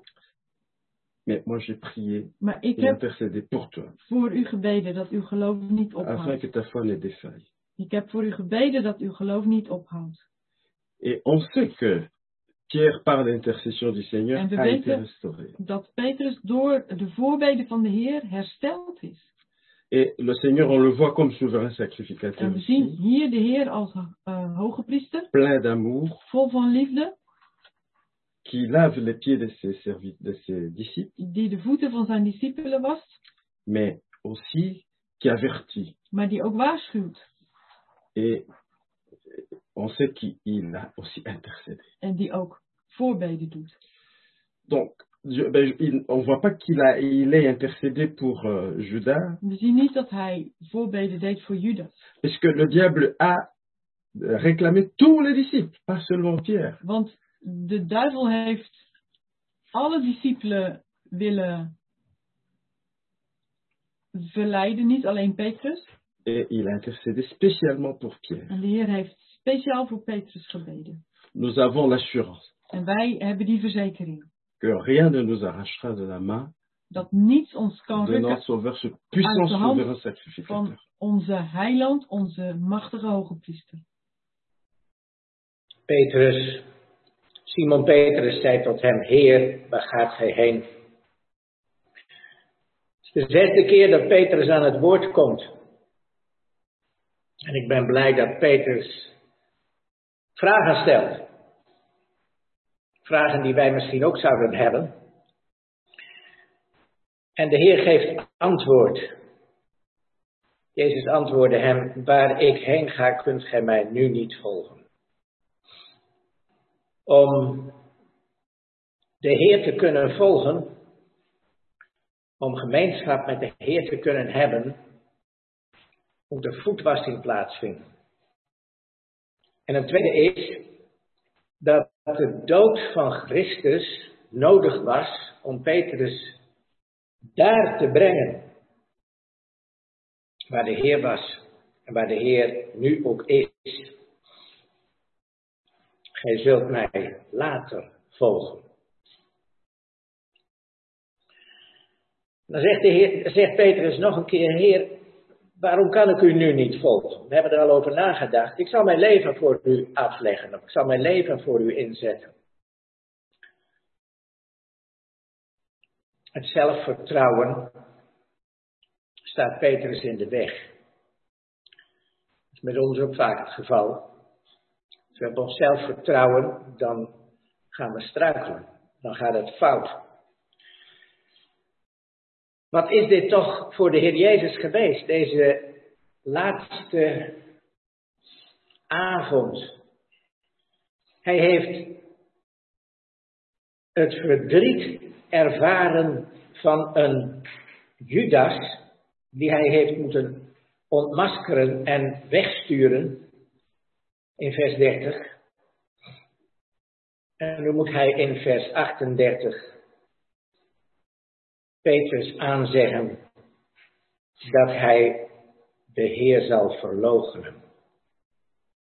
Nee, de Heer heeft geen medelijden met zichzelf. Dat zouden wij hebben. Wat doen jullie me toch iets aan? Wat een verdriet. Jullie hebben me nu al die jaren gevolgd en nu moet ik eerst Judas wegsturen. En Petrus, je weet niet wat je zegt, man. Weet je wat de Heer zegt? Volgende vers. Uw hart wordt niet ontroerd. De Heer is bezig met de zijnen. Als deze verdrietige gebeurtenissen plaatsvinden, is de Heer nog steeds bezig met de zijnen. Wat een liefhebbende heiland hebben we toch. Ik wil graag uh, twee dingen voorstellen in verband met deze tekst. De eerste uit Jozua 3 en 4. Daar zien we de aak van het verbond. Die door de Jordaan gaat. En na, eerst nadat de aak in de Jordaan was geweest en de stroom, de Jordaan stopte en alles droog werd, mocht het volk van Israël binnengaan en doortrekken. En dat is hier, de Heer zegt tegen Petrus, je zult mij volgen, maar nu niet. Eerst moet ik door het water gaan, alleen. Eerst moet ik de storm van het water voor jullie vertragen. Hij is voor ons in de diepte gegaan om voor ons een weg door de dood, door de Jordaan te maken die droog is. Het tweede is, wij zullen hem volgen. Dat is iets geweldig. Wij volgen hem. Zijn schapen horen zijn stem. En ze volgen hem. Waar mijn dienaar is, waar ik ben, zal ook mijn dienaar zijn. Wij zullen hem volgen. En in verband daarmee dacht ik nog aan tekst die eigenlijk heel nauw verband heeft met deze situatie. Uit 2 Samuel hoofdstuk 17. Het is juist het hoofdstuk waar Achitofel David verraden heeft, hij is verworpen. En daar zegt hij in vers 22, zegt de, Bijbel, 2, 2 Samuel 17 vers 22. Toen maakte David zich gereed en al het volk dat bij hem was, En zij trokken de Jordaan over. Bij het aanbreken van de morgen was er niemand meer, of niet één, die de Jordaan niet was overgetrokken. Wij zullen hem volgen. Er zal niemand gemist worden. Onze Heer is al aan de overkant. Wij gaan stap voor stap in die nacht van deze tijd naar hem toe. Welke heerlijkheid.